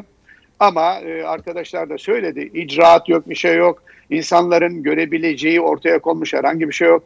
AK Parti döneminde yapılmış bazı şeyleri yeniden açmak ya da ne bileyim işte temel atmama törenleri falan yapmak gibi e, ne diyelim sofistike şeyler de e, çok anlamlı değil. Eninde sonunda İstanbul'da yaşayan insanlar hı hı. E, icraat bekliyor. AK Parti'nin yaptıkları İstanbul'u 10 sene daha götürür diye bir söz vardır. Katılıyorum ama bunların da sürekli hale getirilmesi, hizmetlerin yenilenmesi, e, biraz takviye edilmesi gereken noktalar var. Buralarda ciddi eksiklikler görüyoruz. Peki. Burada e, kendini hissettirme gayretiyle bunu yapmış olabilir ama e, bence e, çok iyi bir adım değildi. Türkiye'yi şikayet etmesi kötü, İngilizcesi Peki. kötü, söylediği şeyler kötü. E, herhalde e, pek hoşa hoşuna gitmiş bir iş çıkmadı ortaya bence. Peki Ekrem Kızıltaş'a teşekkür ederim. Çünkü araya gideceğiz. Dönüşte bizimle birlikte olmayacak. Hakkı Öcal, e, Hüseyin İkoğlu ve Abdurrahman Hoca ile devam edeceğiz. Ekrem Kızıltaş çok teşekkür ederim. Sağ olun yayınımıza ben katıldığınız için. Ben teşekkür ediyorum. Hayırlı akşamlar Sağ diliyorum. olun. Size de iyi akşamlar dileyelim. E, araya gidelim. Dönüşte e, Hakkı Öcal'a soracağız. E, Büyükşehir Belediye Başkanı Ekrem İmamoğlu'nun İngilizce videosunu.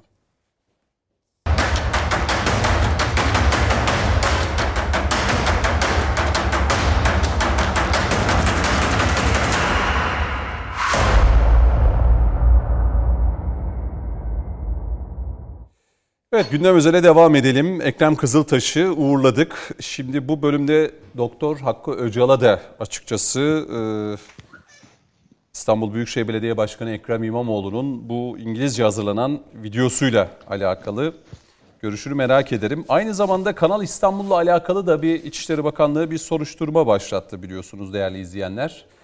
Ee, ve burada e, İçişleri Bakanlığı 7 gün içerisinde Ekrem İmamoğlu'nun ifade vermesini istedi. Yani kişisel anlamda e, Kanal İstanbul'a mı karşı çıkıyor yoksa e, buradaki açıklamada ne anlama geliyor? Bu belki de İçişleri Bakanlığı tarafından istendi. Hakkı Hocam karşımızda mı? Ee, evet Hakkı Hocam tabii buyurun. ben buradayım. Ee, şimdi e, bu, bu konuşmanın yapılmış olması İngilizcesi bozuk falan değil. Ona takıldığımız için içeriğine bakmadık. Hı. İçerik e, feci bir şekilde e, Sayın Kılıçdaroğlu'nun AB ve e, Avrupa Birliği ve Amerika Birleşik Devletleri bize, bizim demokrasimize, e, demokratik gelişmemize yardımcı olmalıdır çağrısının bir devamı. E, veya o çağrıyı haklı gösterecek bir konuşma. Kimlere tam olarak kimlere gönderildiği falan e, açıklık kazanmadı. Hı hı. İngiltere'de bir toplantıya gönderildiği söyleniyor. Her kime gönderildiyse yani onu oradan e, Yunan televizyonları da kullandı. Birçok başka ülkelerde kullandı. Fransa'da gazetelerde geçti. Hiç kimse İngilizcesindeki e, aksana, e, telaffuz bozukluğuna falan bakmıyor. E, tercüme edersiniz, e, anlarsınız ne dediğini. Söylediği şeyler şunlar. Yani Sayın Kılıçdaroğlu'nu haklı çıkartacak şeyler. Bizde demokrasi yoktur. Bizde demokrasi işlemiyor. Ee, yani ço çoğulcu sistem e, işlemiyor. Hı hı. Oy verdik bitti. Ondan sonra konuşmamız engelleniyor. Ee, o kadar ki yani e, Türkiye'de iler tutar bir tek kurum, bir tek müessese, bir tek e, süreç kalmamış. Ee, kendisinin açıklamasından bunu anlıyoruz. Yani ben o konuşmayı dinleyen e, birisi olsaydım Amerika'da herhangi bir gazeteci hemen e, Türkiye ile ilgili bir dosya hazırlatırdım. Ya Türkiye batmış, ölmüş.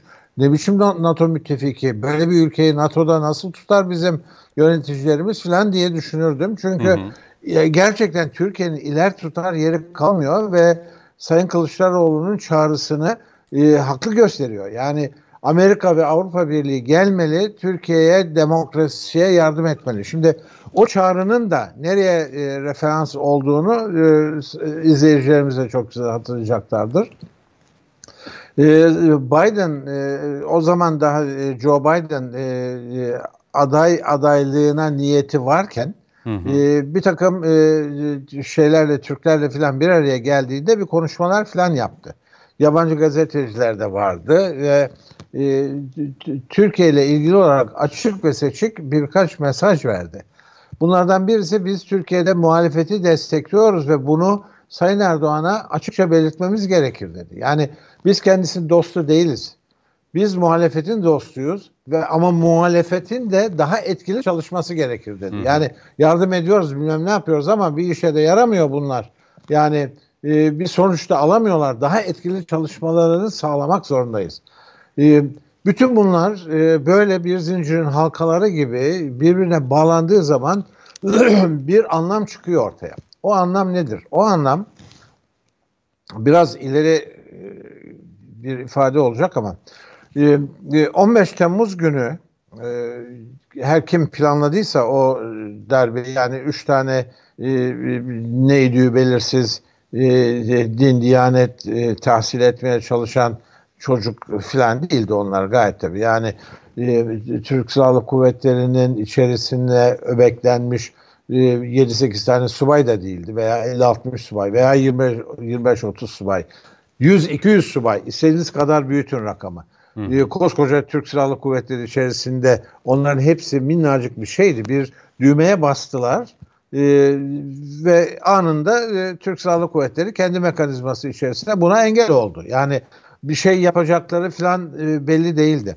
O sırada bazı güzel yazılar çıktı e, dışarıda, e, içeride filan.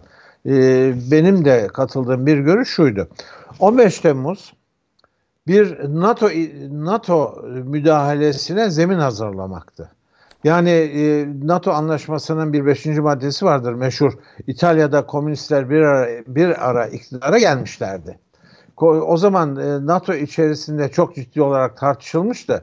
Henry Kissinger da İngil e, Amerika'da e, Dışişleri Bakanıydı. Ona da sorulmuştu. Ne dersiniz?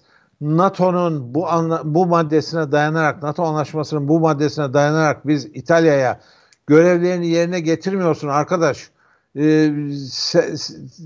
deyip müdahale edebilir miyiz? Yani e, NATO'yu atar mıyız diye değil, NATO hmm. NATO'dan çıksın diye değil İtalya. Ee, NATO gitsin İtalya'yı işgal etsin ve müdahale etsin. Ee, bunu yapabilir miyiz diye sordular. Kissinger da arkasına yaslanarak tabii ederiz dedi. Anlaşmaya göre Türk e, şey İtalya ittifaka girmiştir. Eğer komünistler bu ittifakın çalışmasına engel oluyorlarsa biz buna engel oluruz. Şimdi o gün 15 Temmuz günü e, biraz fazla e, dağıldı gibi ama toplayacağım şimdi. Tabii buyurun. 15 e, Temmuz gecesi bir bir kaos olsaydı yani Sayın Erdoğan Türkiye'yi toplayıp bu kalkışmaya engel olmasaydı belediyelerimiz ha şimdi Sayın İstanbullular belediyenin önemini tekrar hatırlayın. Belediyelerimiz Diyarbakır'daki belediyelerimiz, Adana'daki belediyelerimiz eğer e, bütün o e, Amerikan üslerine şuna buna engel olacak şekilde e, çöp kamyonları bilmem neleri vidanjörleri kullanarak harekete geçmemiş olsalar idi e, bir yönetim krizi çıkmış olsa idi. E, bir eski cumhurbaşkanı, bir eski başbakan, bir eski bilmem ne bakanı e, NATO'ya bir üçü beşi bir araya gelselerdi. Sayın Erdoğan yok bulunamıyor. Ee, öldürüldü mü ne oldu? Ee, hükümet yok ortada. Ee, başbakandan haber alınamıyor. Biz işte Türkiye'nin eski şusu, eski busu bir araya geldik ve e, NATO'ya çağrıda bulunuyoruz. Ey NATO gel bizi kurtar demiş olsa idi. Türkiye'ye müdahale edecek 8 bin Amerikan askeri o anda Kıbrıs'a iniş yapmıştı. İngiliz üstünde hazır bekliyordu ve Türkiye'ye müdahale edecekti. Şimdi ben bu e, bozuk İngilizce filanları okurken veya gayet güzel bir e, fasih bir Türkçeyle ABD'den ve AB'den istediğimiz şey bizim demokratik süreçlerimize e, yardımcı olmalarıdır filan gibi böyle üst perdeden siyasi demeçleri dinlerken hı sadece ve sadece 15 Temmuz gecesi müdahalenin eşiğinde nasıl geldiğimizi ve nasıl döndüğümüzü düşünüyorum. Yani yapılmak istenen ne? Nasıl bir yardım? Şimdi Amerika Türkiye'nin demokratik sürecine nasıl yardımda bulunabilir Allah aşkına? Ne yapar da bulunur? Yani STK'lara para mı verir? Veriyor zaten. Partilere e, uzman, danışman e, Johnny'yi, e, Joseph'i bilmem neyi mi atar? Yapamaz. E, zaten Amerikalarda okumuş çocuklar falan var hepsinin içerisinde. O halde nasıl AB ve ABD Türkiye'ye yardımcı olacak? E, Joe Biden işte başkan da seçildi. Hadi buyursun göstersin bakalım bize nasıl yardım edecekmiş. E, Erdoğan'ın devrilmesinde hı hı. E, muhalefet partilerini destekliyoruz. Buyur destekle bakayım nasıl destekleyeceksin? Neyle destekleyeceksin? İşte bu konuşma bozuk İngilizce bilmem ne. Bu desteğin çağrısıdır. Yalvarmasıdır, diz çökmesidir. Ee, yani e, eğer e, e, ikna edici değilse e, Hı-hı. daha uzun konuşuruz. Ama Peki yok ikna ben, edici e, oldu Hakkı Hocam. Bence ikna edici oldu. ben teşekkür ederim o zaman. Şimdi e, Abdurrahman Hocam bu konuyu da bitireceğim. Ama e, söyleyeceğiniz var mı bu konuda ee, Ekrem yani, İmamoğlu'nun bu? Yani 15, 15 Temmuz e, e, hatırlatmasıyla bağlantılandırması Hakkı ya, Hocam'ın bu çok, öne, çok, çok yani. önemli. NATO gerçekten. çağrılsaydı. Ee, ya şöyle e, ben bu süreçte siyasi aktörlerin ki Sayın İmamoğlu'nun aslında bu parantezde değerlendirilmemesi gerekiyor. Hı hı. Çünkü nihayetinde bir yerel e, yönetici yerel yönetici derken hani e, küçümseme anlamında söylemiyorum. İstanbul'un yöneticisi ama sonuç itibariyle iş tanımı farklı, görev alanı farklı. E, bu, bu, bu doğrultuda ilerlemesi gereken bir siyasetçi. Yarın öbür gün kendi siyasi iddiaları, hevesleri, ihtirasları pekala olabilir. İçinde saklı tuttukları vardır. O, o, o beni ilgilendirmez. Ama nihayetinde bugün başka bir kulvardasınız ve bu başka hı hı. kulvarda bambaşka alanlara ilişkin bir e, tabiri caizse rol çalma e, misyonunu üstlenmemek lazım. Bu ya, şey olarak da usul olarak da zaten e, metot olarak da doğru bir şey değil. İkincisi e, genel olarak da siyasetçilerin e, özellikle muhalefet e, partisi e, bünyesinde olan muhalefet partileri bünyesinde olan siyasetçilerin Joe Biden seçildikten sonra e, bir müddet uluslararası dünya ile özellikle başına Amerika'nın ve Avrupa'nın hmm. yani Transatlantik İttifakı'nın çektiği uluslararası camia ile kurdukları siyasi angajmanın dilini, tonunu, üslubunu, biçimini son derece dikkatli kullanmaları kendi iç siyasi gelecekleri açısından çok önemli. Hı hı. Çünkü hazır Biden tam da böyle bir şey söylemişken ve bu zemin henüz ıslakken, bu zemin kurumamış hala. Biden açık açık, bugün Amerikan başkanı olan Biden açık açık Sayın Cumhurbaşkanı Erdoğan'ın devrilmesini söylüyor. Ve bunu da muhalefetle yapacağız diyor. Hı hı. Muhalefeti örgütleyeceğiz, destekleyeceğiz diyor. Sen bunun üzerinden hadi o zaman gel destekle diyorsun. Şimdi bu e, gerçekten e, ya ya ya ya çok basit bir siyasi ufuk anlamına gelir. Yani stratejik bir bakışın olmadığı anlamına gelir ya da daha tehlikelisi bu ülkeye, bu ülkenin temel dinamiklerine ilişkin e, bir sorun ifadesi anlamına gelir. Bu sorunu da bu sorunu da e, Sayın İmamoğlu'nun kendi şahsından bağımsız, partilerden bağımsız bu sorunu da doğrudan doğruya milletle yüzleştirmek lazım. Yani bu, bu yüzleştirmeyi siyasetçinin yapması lazım, akademisyenin yapması lazım, gazetecinin yapması lazım, medyanın yapması lazım, bütün kanalların yapması lazım. Çünkü bu yüzleştirme bizim hem işte Hakkı Hocam'ın isabetle söylediği 15 Temmuz'dan geldik buraya o, o, o, o serüvenin kendisiyle alakalı hem de bundan sonraki geleceğimizle alakalı sadece AK Partili çocukların, gençlerin, AK Partili insanların, MHP'li insanların meselesi değil ki bu. Hı hı. Yani bu CHP'li, CHP'ye oy veren vatandaşın da meselesi değil mi? E, İyi Parti'ye gönül veren insanların da meselesi değil mi? Dolayısıyla İyi Partili arkadaşlarımızın da, CHP'li arkadaşlarımızın da, AK Partili arkadaşlarımızın da, MHP'li arkadaşlarımızın da, HDP'ye oy veren arkadaşlarımızın da bu meseleye biraz buralardan bakmaları lazım. Bu partizan değil, bu partizanlıklar, hı hı. ideolojik körlükler bizlere da e, bir bilinç e, kaybı olarak e, dönüyor. E, bu bilinç kaybı e, herkese zarar.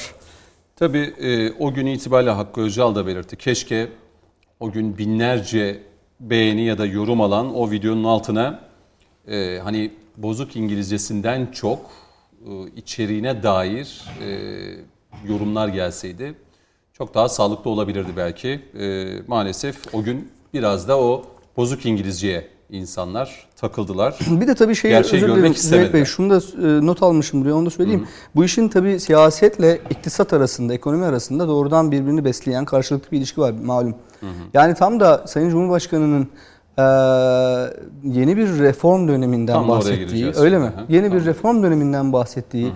ekonomide, hukukta ve demokraside yeni bir reform hı hı. ve tabiri caizse AK Parti'ye ilişkin ola, olan çeşitli özellikle batı kaynaklı ve Hı. içeride çeşitli eleştiriler, kritik noktalarının AK Parti tarafından yeniden toparlanma Hı. ve yeniden yeni bir dinamik inşa edilme sürecine evrilirken Sayın İmamoğlu'nun İngilizce e, bu videoyu. Tam tam da aynen tam da uluslararası bir şeye hitap eder, ederek Londra'ya işte e, New York'a Amsterdam'a, çeşitli finans çevrelerine bu böyle bir bir mesaj vermek gibi bir mesele var mı? Çünkü bu akla ister istemez Sayın Kılıçdaroğlu'nun defaatle Periyodik olarak buraya yatırım yapmayın, buranın yatırım için uygun bir ülke olmadığı, işte güvenilir bir ülke olmadığı, burada insan haklarının e, hiç tanınmadığı, demokrasinin hiç işlemediği, kurumların hiç işlemediği, güvenin allak bullak olan e, bir olduğu ve yerle bir olduğu bir ülke manzarası sunmakla aslında e, çok paralel bir yere düşüyor.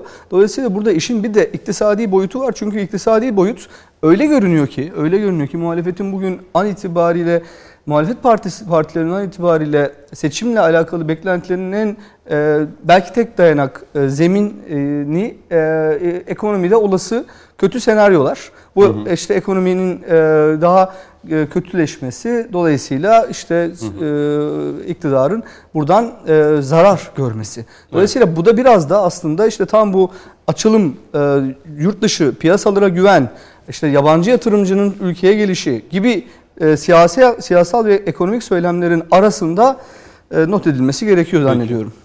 O zaman Ekrem İmamoğlu e, konusunu kapatalım ama e, iki gün önce bu Covid-19'la mücadele kapsamında İstanbul'da vaka sayıları arttığı için attığı bir tweet, tweet dikkatimizi İstanbul'u çekmişti. İstanbul'u kapatın tweet'i mi? E, yok Doktor Fahrettin Koca'yı da e, hmm. atıfta bulunarak e, şunu söylemişti. Mezarlıklar Daire Başkanlığı'ndan işte 164 kişinin öldüğü. E, dolayısıyla e, Doktor Fahrettin Koca tedbir almada gecikiyorsunuz diye hı hı. E, Sağlık Bakanı da aslında başarıyla ilk pandemi başladığından beri süreci iyi üreten bir Sağlık Bakanlığı, Sağlık ordumuz var. Tartışmasız. E, dolayısıyla burada hani bu cümleler sarf edileceğine keşke İstanbul'da toplu taşıma araçlarında sefer sayıları arttırılsa e, çok daha iyi olmaz mı Sayın Başkan? E, bunun da altını çizelim. Bir de Cüneyt Bey İstanbul'un kapatılma çağrısını hı hı. Nisan ayında da yapmıştı Sayın İmamoğlu. Bugün de aynı tekrarlı e, şeyi tekrarlıyor. E, bu çağrının herhalde zannediyorum ekonomik bir boyutunun da olduğunu, sosyal bir boyutunun, hı hı. hatta sosyal psikolojik bir boyutunun da olduğunu hı hı. Sayın İmamoğlu biliyor olması gerek. Ya özellikle sabah ve akşam saatlerindeki toplu taşıma araçlarındaki o yoğunluğu e, hesap edecek olursak bunu tedbir almada etmek, bunu, bunu gecikmeyin etmek, Sayın Başkan. Regüle yani, etmek evet, gerek tabii. Tedbir almada esas yani Sayın Büyükşehir Belediyesi'nin Sayın Başkanımızdan bunu gecikmemesi, e, tedbir alma konusunda işi sıkı tutmaları gerekiyor. Bunu da belirtmiş olalım. Şimdi Hüseyin Likoğlu'na döneyim e, ve Abdurrahman Hocam'ın da belirtmiş olduğu üzere geçtiğimiz hafta itibariyle Türkiye'de ekonomi cephesinde önemli bir değişiklik yaşandı. Sayın Berat Albayrak görevden affını istedi ve yerine Lütfü Elvan, işte Merkez Bankası Başkanlığı'na Naci Ağbal getirildi. Ee, birkaç gün sonrasında Cumhurbaşkanı Erdoğan'ın topyekün bir reform açıklaması yani demokrasi, hukuk ve ekonomi e, alanlarında bir seferberlik e, ilan ettiğini belirtti. Tabii bu yeni dönemde bunlar nasıl olacak? Ee, önce isterseniz e, Cumhurbaşkanı Erdoğan neden böyle bir açıklama yaptı? E, hatırlayın grup toplantısındaki söylemleri sonrasında para piyasaları, iş çevresi e, olumlu bir tepki verdi. Yani piyasaların biraz rahatladığını gördük. E, buradan bir devam edelim e, Hüseyin Nikoğlu. Ne dersiniz? Cumhurbaşkanı Erdoğan'ın bu açıklamaları. E, demokrasi üzerinden gidelim isterseniz e, ve sonra hukuk ve tabii ki ekonomi. E, yeni dönemde neleri göreceğiz ve neleri yaşayacağız? Şimdi e, Hakkı Hocam demin meseleyi 15 Temmuz bağlamında değerlendirme e, konusunu ben de burada yapmak istiyorum. Hı hı. Şimdi e, Türkiye'de 2013 yılında ki bunu daha geçmişe e, gidip 2012 yılında MİT kriziyle e, yaşananlara baktığımız zaman Hı hı.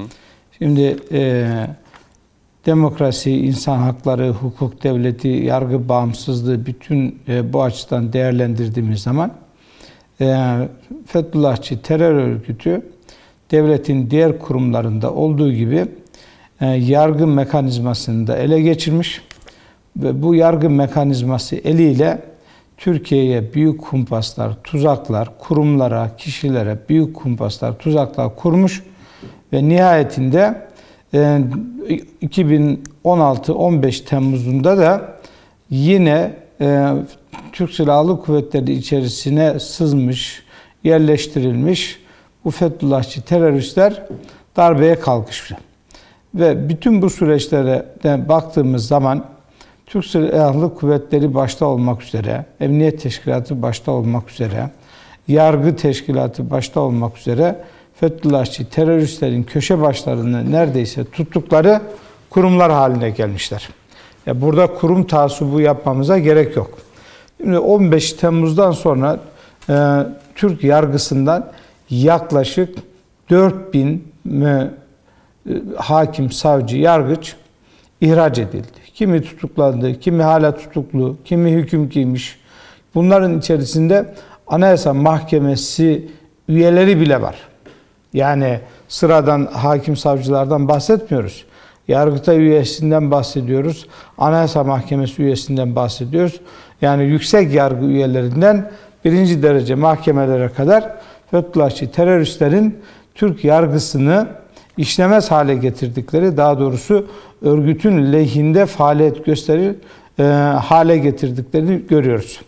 Şimdi bunun üzerine 15 Temmuz oldu ve Türk e, milleti e, Cumhurbaşkanının iradesiyle Cumhurbaşkanının yanında durarak, e, liderinin yanında durarak bu darbe girişimini bastırdı. Ve bu darbe girişimini bastırıldıktan sonra Türkiye'de bu örgütle mücadele için olağanüstü hal ilan edildi. Hı hı. Ve bu olağanüstü hal kapsamında bu örgütle mücadele edildi. Haliyle olağanüstü hal ilan edilince ister istemez bir takım e, hakların kısıtlanması, bir takım tedbirlerin alınması hususu gündeme geldi.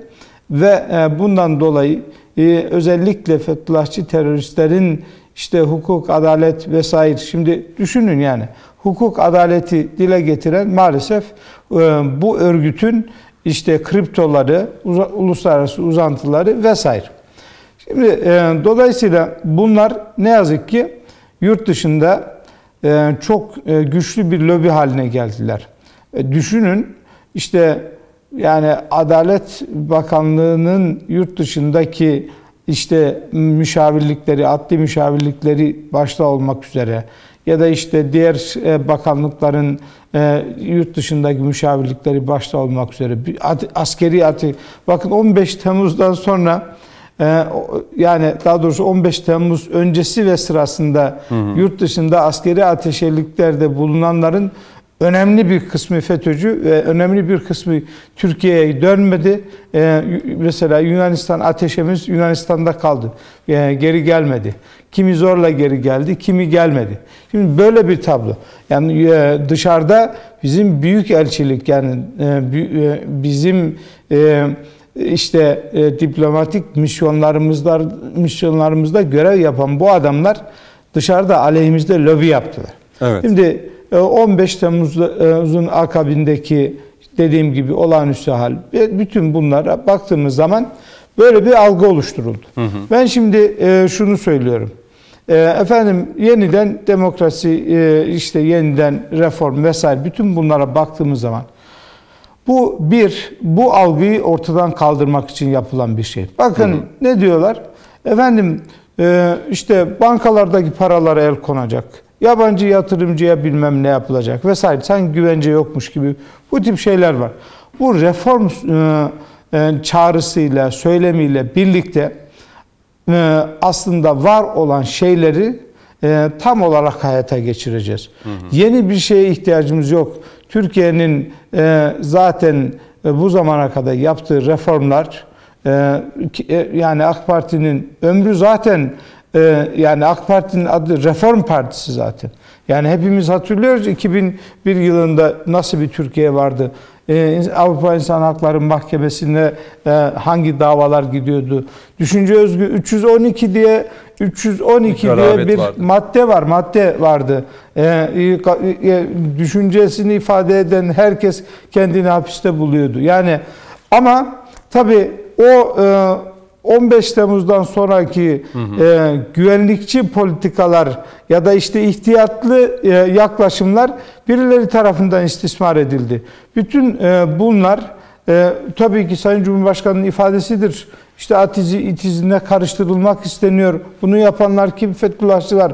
Bugün Türkiye'de adaletsizlik varsa bilin ki onun arkasında ya kripto bir e, hareket var ya kripto bir anlayış var. Hı hı. Yani yoksa e, bilerek bir adaletsizliğin olması söz konusu değil.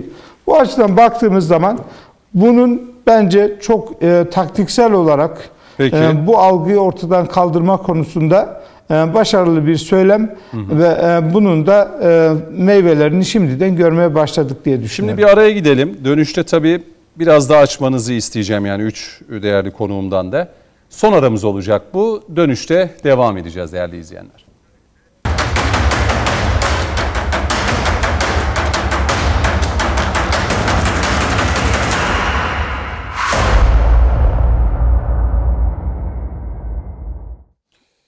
Son bölümdeyiz değerli izleyenler. Bu son bölümde Cumhurbaşkanı Erdoğan'dan reform açıklaması yani ekonomi, hukuk ve demokrasi alanında bir seferberlik ilan etmesinin ne anlama geldiğini konuşuyoruz. Hüseyin Likoğlu, Hakkı Öcal ve e, Abdurrahman hocamızla, Abdurrahman Babacan'la birlikte bu son bölümde de bu konu üzerinde e, derleyip toparlayacağız ve bitireceğiz.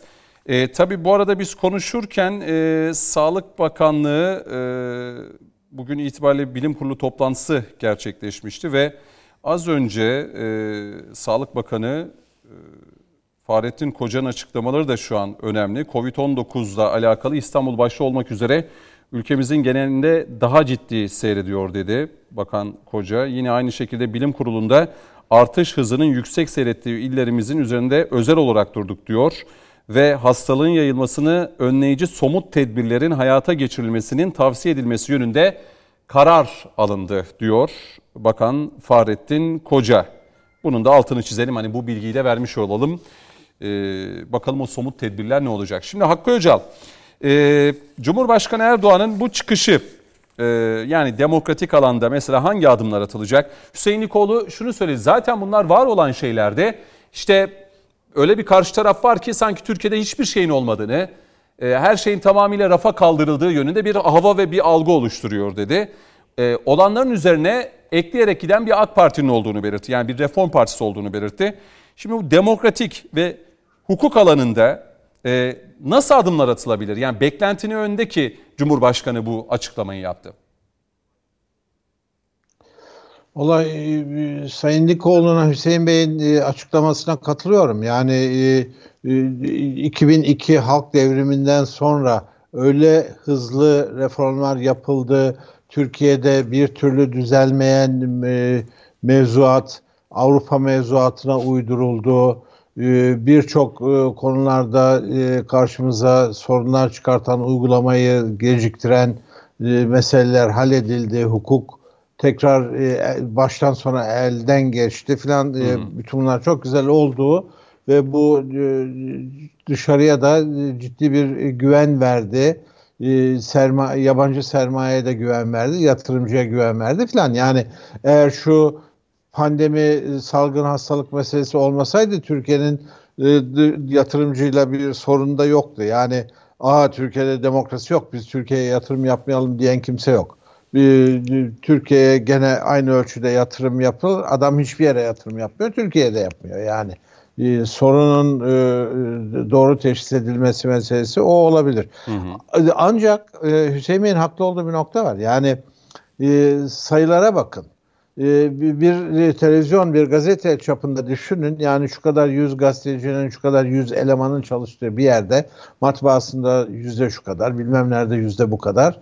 Ve bunların e, ne bileyim yani e, binlercesini işten çıkarttığınızı düşünün. Yani ertesi gün gazete çıkmaz, televizyon çalışmaz. Yani e, bakıyorsunuz adalet mekanizmasından şu kadar bin FETÖ'cü atılıyor. Rakamlar aklımda değil. E, Hüseyin Bey'in verdiği rakam mı tekrar edebilirim. E, 4 adalet sistemini 4000 yani hukukçular bir ara öyle oldu ki Türkiye'de e, uçakları uçuracak pilot kalmadı. Emekli pilotları geri işe çağırdık. Yani e, bu sızma hadisesi çok ciddiydi Türkiye'de.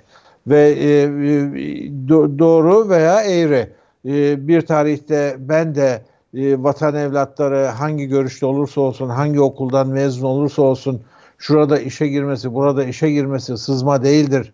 E, herkesin, her e, Türk evladının e, her makamda hakkı vardır fikrini ben de savundum. Hı hı. Hepimiz savunduk. Gene savunurum. Yarın da savunurum. Ama bu insanların bir araya gelip de bir kalt oluşturdukları, bir çete oluşturdukları ve e, belirli bir insanın güdümünde e, dini de, örfü de, adeti de, tarikatı da, e, Said Nursi'yi de alet ederek bir yapı oluşturdukları, paralel bir devlet oluşturdukları ve daha sonra bunu darbeye sürüklediklerini kimse tahmin etmezdi. Ama ed, ol, ama oldu.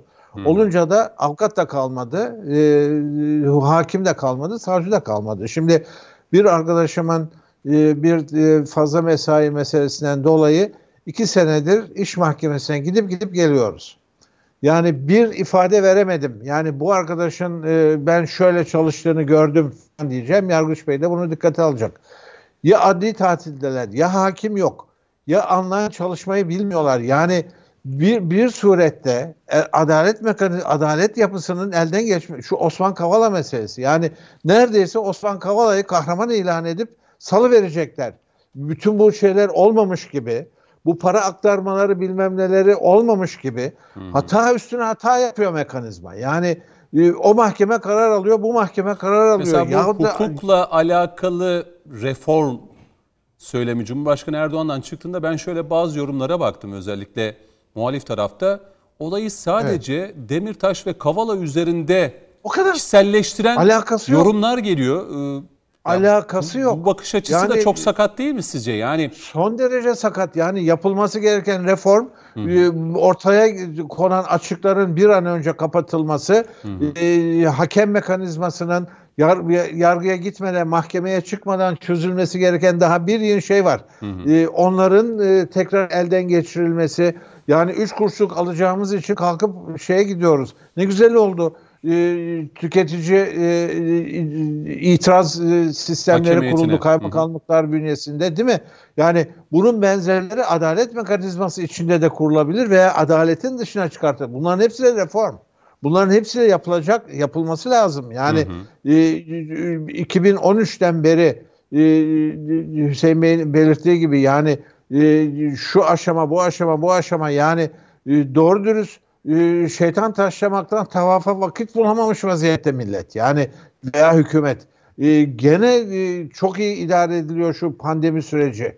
E, olağanüstü iyi idare ediliyor. E, ekonomik meseleler, bilmem ne meseleler. Yani e, dolayısıyla bu e, şeyler, e, reformlar yapılabilir.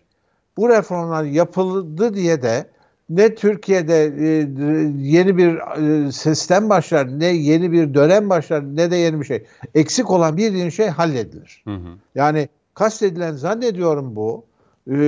Daha önümüzdeki zamanlarda ortaya Şunu çıkacak. olabilir mi Hakkı Hocam? Şimdi e, Ekrem Kızıltaş da hani yayındayken belirtmişti. Şimdi Cumhurbaşkanlığı hükümet sistemi hızlı karar alan bir mekanizma.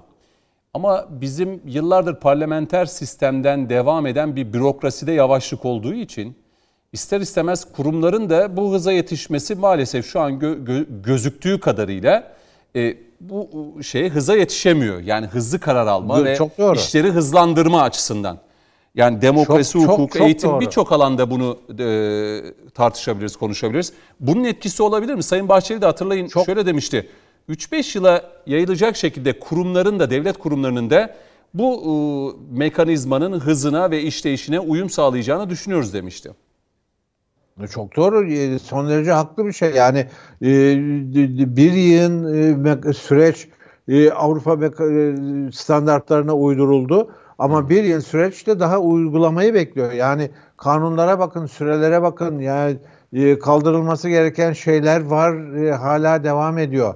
E, Şu tapu muamelesinde sağlanan sürate yani böyle bir şey insan düşünemezdi ama Evet. geldi uygulanıyor. Daha bunun gibi birçok şey vardır. Bunların hepsi de yapılacak. Gayet tabii yapılacak. Yok bizim kurumumuz çok iyi. Biz bilmem ne bakanlığı olarak e, bunlardan e, varisiyiz. Biz e, gayet iyi çalışıyoruz falan diye e, alınganlık yapmaya da lüzum yok. Hiçbir şeye lüzum yok. Herkes e, eteğindeki taşı dök, e, şapkasının önüne koyup e, güzel bir şekilde düşünmeli ve Sayın Cumhurbaşkanı'nın neyi kastettiğini çok iyi anlayıp ona uygun bir e, kendi e, sistemini e, çeki düzen vermek zorunda. Yani e, yoksa bunun korkulacak yepyeni bir şey geliyor. E, dört kişi, dört siyasal e, bilmem ne e, salı verilecek. Ha mesela şimdi e, konu aklıma iyi getirdiniz. E, bu e, e, Altan, Ahmet Altan ile ilgili mesele veya gazetelerle ilgili mesele. Yapılması gereken reformlardan birisi şu. Bu yapılıyor diye biz ne de Türkiye'de sistem mi diyecek? Hayır ama yapılması gereken şey şu. E, Bir gazeteciyle ilgili bir iddiada bulunulduğu sırada e, mesela e, Sayın Cumhurbaşkanı'na da sorulmuş işte gazeteciler en çok gazetecinin hapishane, hapishanede olduğu ülke. Hayır. Bunlar gazetecilik yaptıkları için değil başka bir şey yaptıkları için e, adli sürecin içerisindeler. E, cezaevinde değil belki tutuk evindeler filan. E, Şimdi aynı o suçlayıcı tavrı Azerbaycan'a da yapıyorlar. Yani İngiliz gazeteci Tabii. Aliyev'e. Yani Türkiye'ye ne, Ne söyledilerse verdi, başını kaldıran e, Azerbaycan'a da aynı suçlamalar Aynı yöneltilmeye suçlamalar başlandı. bu. Baktığımızda E, cümleler hep dolayısıyla aynı. bizim tabii e, bütün bunları e, ekarte edecek, bütün bunlar bu suçlamalar yöneltilmeden ve dışarılarda yayılmadan evvel e, kendi evimize de bir parça çeki düzen vermek zorundayız. Peki. Yani e, şu iddianamelerin falan daha tutarlı yazılması, daha güzel yazılması, e, içindeki iddiaların e, iddia üst, adı üstünde kanıta ihtiyacı olan bir şey demek. Onların daha güzel toplanması, ne bileyim adli polisin daha iyi çalışması, adli Mesela polisin sosyal medyadaki azaltma tepkiler üzerine hukukun devreye girmemesi gerekiyor. O, o da çok büyük bir problem. Hatırlayalım şöyle hani Tabii. Son yıllarda özellikle sosyal medyadan gelen tepkilere göre salı veriliyor, tutuklanıyor, cezaevine konuluyor bugün- vesaire. Hı hı. Bugün oldu. Bugün oldu. İdamla yargılamışlar adamı bilmem neden bilmem ne bilmem neden bilmem ne en sonunda e, yani idam derken e, müebbetle ağırlaştırılmış müebbetle adamı salı vermişler. Sonra bunu sosyal medya görüyor, olayın e, farkına varıyor ve e, de- çok iyi. Demek ki sosyal medyayı takip eden birileri var bakanlıkların merkezinde. E, başka bir savcı devreye giriyor ve adamları tekrar ya bu adamlar kaçsaydı şu sırada Evet. yani sınır yol geçen hanı değil ama bir şekilde kaçabilirlerdi. Yani e, bota biner Yunanistan'a geçerlerdi. Yani bütün bunlara dikkat etmek lazım. Peki. Son günlerde olağanüstü hatalar yapılıyor. Doğru. Hata üstüne hata yapılıyor. Bunların da önüne geçilmesi bu arada e, mümkün olacak inşallah. Şimdi Abdurrahman Hocam akademisyen gözüyle Sayın Cumhurbaşkanı Erdoğan'ın bu reform çıkışını nasıl e, özetler? Hani son dakikalara da giriyoruz. Şöyle bir 10-15 dakikamız var. Belki Hüseyin Bey'le de bitirebilirim. Bu bölümde yarım kalmıştı. Yani Sayın Cumhurbaşkanı bir defa bir döngü var. bu döngünün kırılması gerektiğini düşünüyor. Yani kastım şu. Şimdi e, Hakkı Hocam da Hüseyin Bey de e, yakın tarihe ilişkin bir geriye dönüp bir okuma yaptığımızda karşımıza çok temel herhangi bir ülkenin e, karşılaştığındaki en gelişmiş demokratik ülkelerde de böyle karşılaştığında uzun süre çok büyük sistemik krizler yaşayacağı, boşluklar üreteceği, hukuki bir sürü problemler üreti, üretilebilecek e, fay hatlarıyla alakalı çok temel sorunlar çıktı ülkede. Yani 2013'te biz aslında 2012'ymiş. İşte Şubat 2012'de MIT'le başlamış. Ama hadi 2013'ü start e, noktası olarak alırsak e, Gezi Parkı eylemleri başladı biliyorsunuz. Sonrasında 17-25 Aralık ardından 7 Haziran e, Koben şey Kobe- Kobani olayları yine 2014'te. Gezi. Sonrasında sonrasında 7 Hendek. Haziran 7 ha onu söyleyeceğim. 7 Haziran 2015 seçimleri Aa, o geçen ben bir makalede bununla ilgili bir epey bir e, tarama yapmıştım. Hem AK Parti döneminin demokrasi karnesiyle alakalı. Neler yapıldı, ne oldu, nasıl yapısal e, iyileşmeler oldu, nasıl problemler var, boşluklar var falan diye.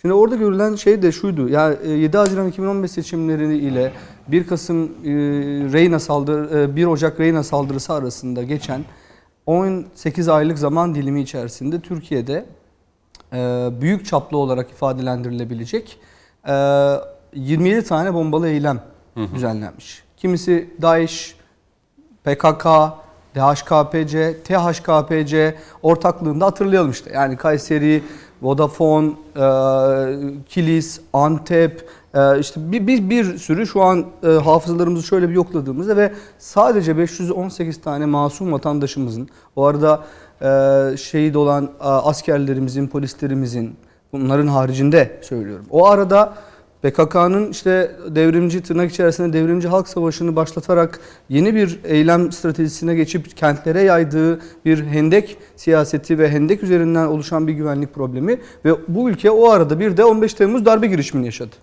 Şimdi biz bir toplantıda e, iki sene evvel Malezya'da e, Kuala Lumpur'da bir toplantıda muhtemelen FETÖ'cülerin de çok içinde bulunduğu bir toplantıydı. Çünkü bize gelen sorular çok e, manipülatif ve oradaki diğer Hazirun'u yönlendirecek sorulardı. Soru cevap kısmında. E, Malezya'nın İngiltere e, şeyi de vardı, büyükelçisi de vardı. Onlar da benzer işte suçlamalarda bulunurken Türkiye'yi ben de ha Fransa'nın e, şeyi de konsolosu da vardı. Ben de Fransa örneğini e, vererek kendisine cevap vermeye çalışmıştım. Yani dedim sizin acıları karşılaştırmak gibi bir şeye girmiyorum. Acı acı acıdır. Ama sizin bir terör saldırısı e, olarak Charlie Hebdo'dan sonra aldığınız eylemlerin niceliksel karşılıklarını teker teker ya- yazalım ki e, orada kendisini de söylemiştim. E şimdi 15 Temmuz'u da yaşayan bu arada çok büyük sistemik ayar problemleri ortaya çıkan. Yani 15 Temmuz Allah'a çok şükür o gece başarılı olamadı ama 15 Temmuz'un bıraktığı inanılmaz bir yapısal problem oldu bu ülkede. Ne oldu? Çok ciddi bir insan sermayesi e, eridi. İnsan sermayesiyle alakalı bir, bir baktık ki yetişmiş olan bir sürü masraf yapılmış, bir sürü yatırım yapılmış, bir sürü emek harcanmış olan Maalesef de birçok e, Anadolu'nun çocukları e, olarak adlandıracağımız çocuklar devşirilerek başka bir mekanizmaya hiz- hizmet ettirilmiş. Ve burada biz bir baktık ki insan sermayesi anlamında altımız boşaldı. Bir başka sorun ne çıktı? Sistemin yapısal ayarları bozuldu. Yani yapısal olarak zaten e, 2013'ten bu yana sistematik bir şekilde ilerleyen ve inanılmaz büyük travmatik durumlarla karşılaştığımız vakalar, biraz evvel söylediğim vakalar, bir de karşımıza hukuki ve sistemik boşluklar inşa ederek karşımıza çıktı. Şimdi so- söylemeye çalıştığım şey şu. Dolayısıyla son yıllarda içine girilen bir kısır, bir fasit bir daire vardı. Kısır bir döngü vardı. Güvenlik, özgürlük ikilemi diye meşhur. İşte e, hem küresel siyasette hem de ulusal siyasetlerde e, teorisyenlerin hep tartıştığı ikilem. Şimdi bu döngünün Cumhur, Sayın Cumhurbaşkanı'nın bu ifadesini, bu açıklamasını, bu döngünün artık iklim değiştirecek bir e, kırılma hamlesi olarak ifade, e, koymak lazım. Yani ve bunun da böyle işletilmesi lazım.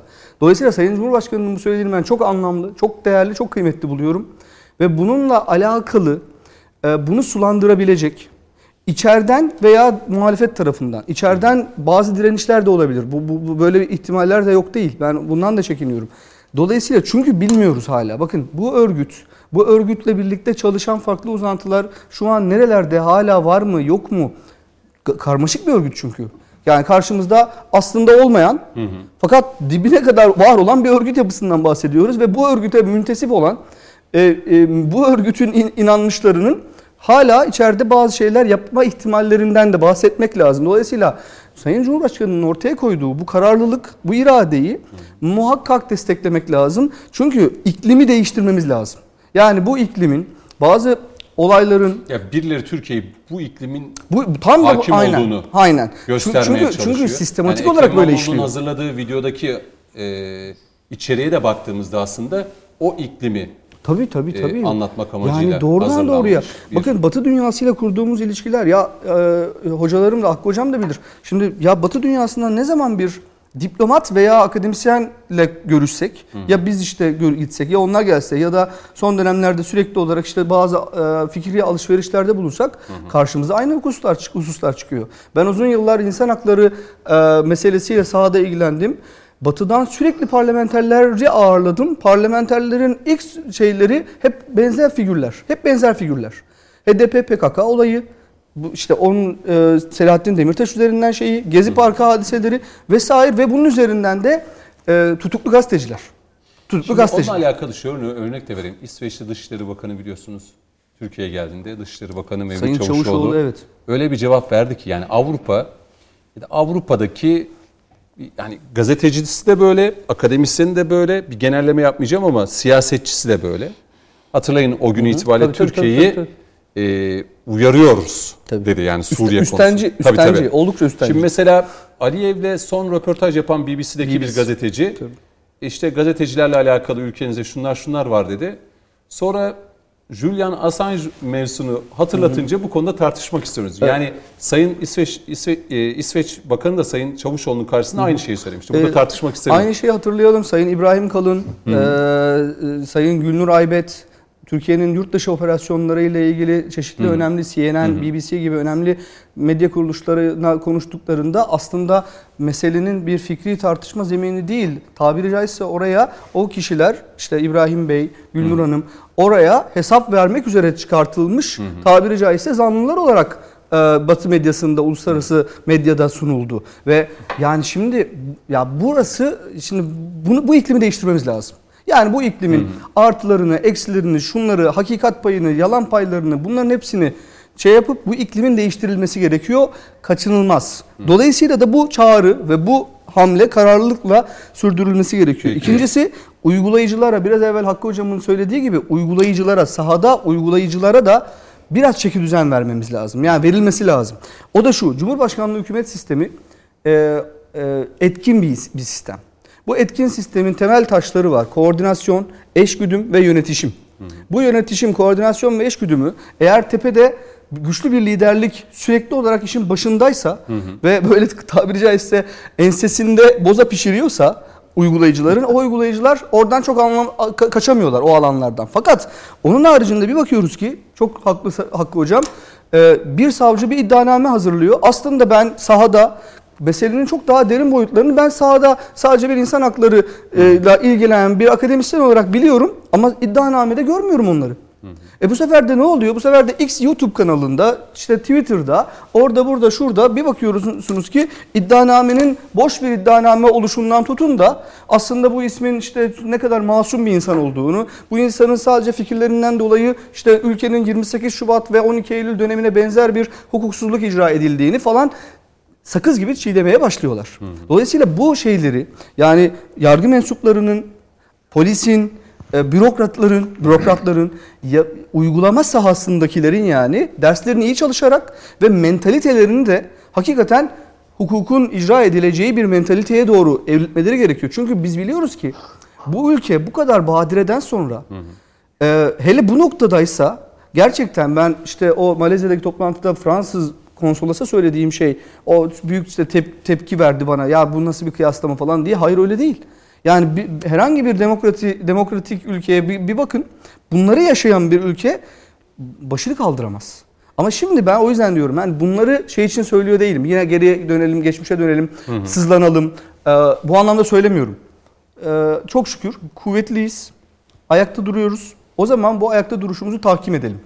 Daha da sağlam zemine dayandıralım ve sistemik ve ufak tefek münferit de dahil olmak üzere boşluklar varsa bu bu boşluklardan en fazla yararlanan mesela bu konuda bu konuda e, haklarını e, şey yapayım.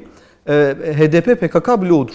Doğu ve Güneydoğu Anadolu bölgesinde münferit bir vakayı alıp bunu sistemik bir soruna dönüştürebilme konusunda inanılmaz bir kara propaganda ve algı yaratma konusunda çeşitli mecraları da alanları da kullanarak böyle bir şeye girişiyorlar. Bunların önünü kapatmamız lazım. Yani bir yandan çok iyi bir şekilde, başarılı bir şekilde yürüyen PKK'nın bitirilme süreci hı hı. güvenlikle güvenlik ve asayiş meselesidir. Bu devam ederken bir yandan da meselenin kara propaganda. Aynen. Kültürel, sosyolojik hı hı. ve algı tarafıyla alakalı bir hı kompakt, entegre bir stratejiye sahip olmamız lazım. O zaman o zaman biz göreceğiz e, halk, millet e, notunu ona göre verecek. Yani yeter ki yeter ki e, bu adım Sayın Cumhurbaşkanı'nın söylediği bu temelde iklim değiştirme, hı hı. iklimi yeni baştan tahkim etme, yeni baştan düzenleme dediği dediği söylediği şey sahada karşılığını bulabilecek noktaya getirebilelim. Bazı direnişlerle karşılaşma ihtimali var. Bu yüzden söylüyorum. Hı hı. Bunu böyle e, dost görünümlü e, yapanlar olabilir. Hı hı. E, bu tarz e, durumlara da hazırlıklı olmak lazım. Peki. Çünkü nihayetinde e, yani bu işin pratiğini icra eden insanlar karşı tarafın bunu işte Batı bloğu olarak ifadelendirebiliriz ve Batı bloğunun bu taraftaki sözcülerini de söylüyorum. Karşı tarafın bu konuyla alakalı e, istismar alanlarını nasıl kullandığını biliyoruz. Dolayısıyla bizim de bizim görevimiz bu istismar alanlarını tamamını elimine etmek. Şimdi birer cümleyle hem Hüseyin Nikoğlu'nu hem de Hakkı Öcal'la başlamıştık. Hakkı Öcal'la bitireceğim. Abdurrahman Hocam iyi bir özetleme yaptı. Ee, belki o ilk bölüme girerken Hüseyin Nikoğlu size sözü vermiştim. Ekleyeceğiniz var mı? Hem de programı da bitireceğiz açıkçası. Şimdi e, Abdurrahman Hocam'ın söylediği e, olaylar ve örnek verdiği Fransa konusuna e, baktığımız zaman Türkiye'nin 10 yılda yaşadıklarını, hı hı. yaşadıklarının onda birini bunlar yaşasalardı demokrasiyi çoktan idam sayfasına çekerlerdi. Dolayısıyla evet. e, böyle bir ikiyüzlülükle karşı karşı karşıyayız. Hı hı. Ee, yaşadığımız sorunun temelinde zaten ikiyüzlülük var. Şimdi insan hakları diyenlere sormak istiyorum. Gerçekten siz herkesi insan görüyor musunuz? Mesela size göre Afrikalı insan mıdır? Size göre Orta Doğulu e, Müslüman insan mıdır? Ee, kimdir insan? Ee, buna baktığımız zaman bunların iki yüzlülüğü çok net bir şekilde ortada. Onlara göre birileri insandır, onların hakları var. Hı hı. Ama birileri canlıdır, e, onun diğer, diğerleri gibi hakları yok. Böyle bir ikiyüzlülükle karşı karşıyayız. Zaten temel sorunumuz e, bu. E, bu açıdan baktığımız zaman Şimdi e, bugün insan hakları, demokrasi, ifade özgürlüğü vesaire bütün bunlar için ortalığı ayağa kaldıranlar, feveran edenlerin aslında Türkiye'de insan haklarının çiğnendiği dönemde nerede durduklarını biz çok iyi biliyoruz. Hı hı. Ee, tarih biliyor, kayıtlarda var. Dolayısıyla temel problem şu. Ee, belki bir takım haksızlıklar, belki bir takım yanlışlar var. Ama bu yanlışları dile getirenlerin bizatihi kendileri yanlış olduğu için bazı şeyleri gözden kaçırıyoruz. Yani birilerinin geçmişte insan hakları, demokrasi, ifade özgürlüğünü nasıl ayaklar altında aldığını çok iyi bildiğimiz kişiler, tipler çıkıyorlar şimdi insan hakları, demokrasi deyince ister istemez onlara inanmıyoruz. Çünkü kim olduklarını e, çok iyi biliyoruz. Dolayısıyla bizim bu iki yüzlülüğü, iki yüzlülüğü göz önünde bulundurarak e, biz kendi doğrularımızı Abdurrahman Hocam'ın söylediği iklimi hı hı. E, yakalama e, konusunda kendi gayretimizi görmemiz gerekir. Biz şunu şuna inanıyoruz. Kesinlikle kimseye haksızlık yapma gibi bir niyetimiz yok. Hiç kimseyi düşüncesinden, inancından, ifadesinden dolayı asla yadırgamıyoruz. Hele hele o kişilerin herhangi bir haksızlığa uğramasını asla tasvip etmiyoruz. Ne geçmişte, hı hı. ne bugün, ne yarın hiçbir zaman bunların yaptığı iki yüzlülüğü, bunların e, sergilediği gayri samimiyetsizliği hiçbir zaman yaşamayacağız. Eksikler olabilir, yanlışlar olabilir ve e, bu yanlışlar, bu eksikler düzeltilebilir. Niyetin halis olduğunu herkes biliyor. Türk milleti de zaten e, bu iyi niyeti her zaman ödüllendirmiştir, takdir etmiştir. E, nihayetinde bu samimiyeti sürdürmemiz gerekir. Hakkı Hocam sizle bitireceğim. Ee, Buyurun. Tabii Cüneyt Hocam yani hayat devam ediyor. Hayat akan bir su. Üç gün evvel e, ko- korkunç bir deprem geçirdik. Binalar yıkıldı. Bu arada herkes bir şey söyledi. Onu hatırlayalım. Yani e, bu binaların, çürüyen binaların veya e, sağlam bulunmayan binaların yıkılması için şu kurum emir veriyor, o bu buna yazı yazıyor, o da buna bilmem ne yapıyor. Ya, en sonunda işte. ortada vatandaş çıkmıyor. Şimdi bu konuda bir hukuk eksiği yok muymuş? Varmış. Bu ortaya çıktı. Hayat her gün devam ediyor. Yani e, şu e, pandeminin getirdiği bir yıl uygulama var. Onların hepsinin getirdiği, gösterdiği açıklar var. Elbette bunlar düzelecek. Abdurrahman hocamın söylediği e, ikiyüzlülüğü hukuki hukukun gelişmesinde uyguladığı adamların iki stand, çifte standartlarını unutmamamız lazım. Ee, Hüseyin hocamın söylediği e, mesele gayet açıktır. Yani bu adamların niyeti bizimle iyi bir işbirliği yapmak falan değil, e, e, bizi gözetmek değil, bizim hayrımızı düşündükleri falan yok. Ama biz bütün bunları aldırmadan e, ihtiyacımız neyse ona bakmalı ve o reformu yapmalı ve yürüyüp gitmeliyiz. Yani e, nitekim de öyle oluyor. Peki. E, kime göre demokrasi tabii? Yani demokrasiyi dilinden düşürmeyenlerin demokrasi adına neler yaptığını da biliyoruz açıkçası. Yani Tabii. e, bu Batı'nın demokrasi anlayışı e, başka bir e, demokrasi tabii. İşlerine gelince demokrasi, işlerine gelmeyince zulümden başka bir şey değil. Bunu çevremizdeki Az- ülkelerde Dağlık görüyoruz. Kara, Dağlık Karabağ'ın yarısı yanıyor. Ya Daha Alman televizyonda, Fransız televizyonda bir tek kare fotoğraf görmedik. çok doğru. Çok doğru. İşte o yüzden dedim ya İngiliz Yani- gazeteci Aliyev gerekli cevabı aslında çok güzel verdi ama her cevap verdiğinizde maalesef e, bu konuda tartışmaya girmeyelim diye çok basit bir cümleyle geçiştiriyorlar. E, durumu yani bizim ülkemizde demokrasi de var deniliyor. Özgürlükler de var deniliyor. Birçok şeyin var olduğu anlatılıyor. Bu da biliniyor ama e, maalesef aynı söylem devam etmekte. Hüseyin Nikoğlu çok teşekkür ederim. Yayınımıza katıldınız. Yarın sabah zaten para politikte yine Çok e, gündemi değerlendireceksiniz. Sizi yorduk bu, bu gece. yine görüşmek üzere. Estağfurullah. Çok sağ olun. Hakkı Hocam çok teşekkür ediyorum. Sağ olun. Siz de evden katıldınız. Teşekkür ediyoruz. Katkıda Ben bulunduğunuz için. ederim. Ve e, yine Medipol Üniversitesi öğretim üyesi doçent doktor Abdurrahman Babacan da İstanbul stüdyosunda bizimle birlikteydi. Hocam çok teşekkür ederim. Sağ olun. Sağ olun Cüneyt Bey. Ben teşekkür için ve. Ekrem Kızıltaş da bugün bizimle birlikteydi.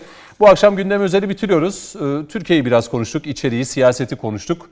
Önümüzdeki hafta yine gündem özelde birlikte olmak ümidiyle efendim. Güzel bir gece ve iyi bir hafta diliyorum. Hoşçakalın.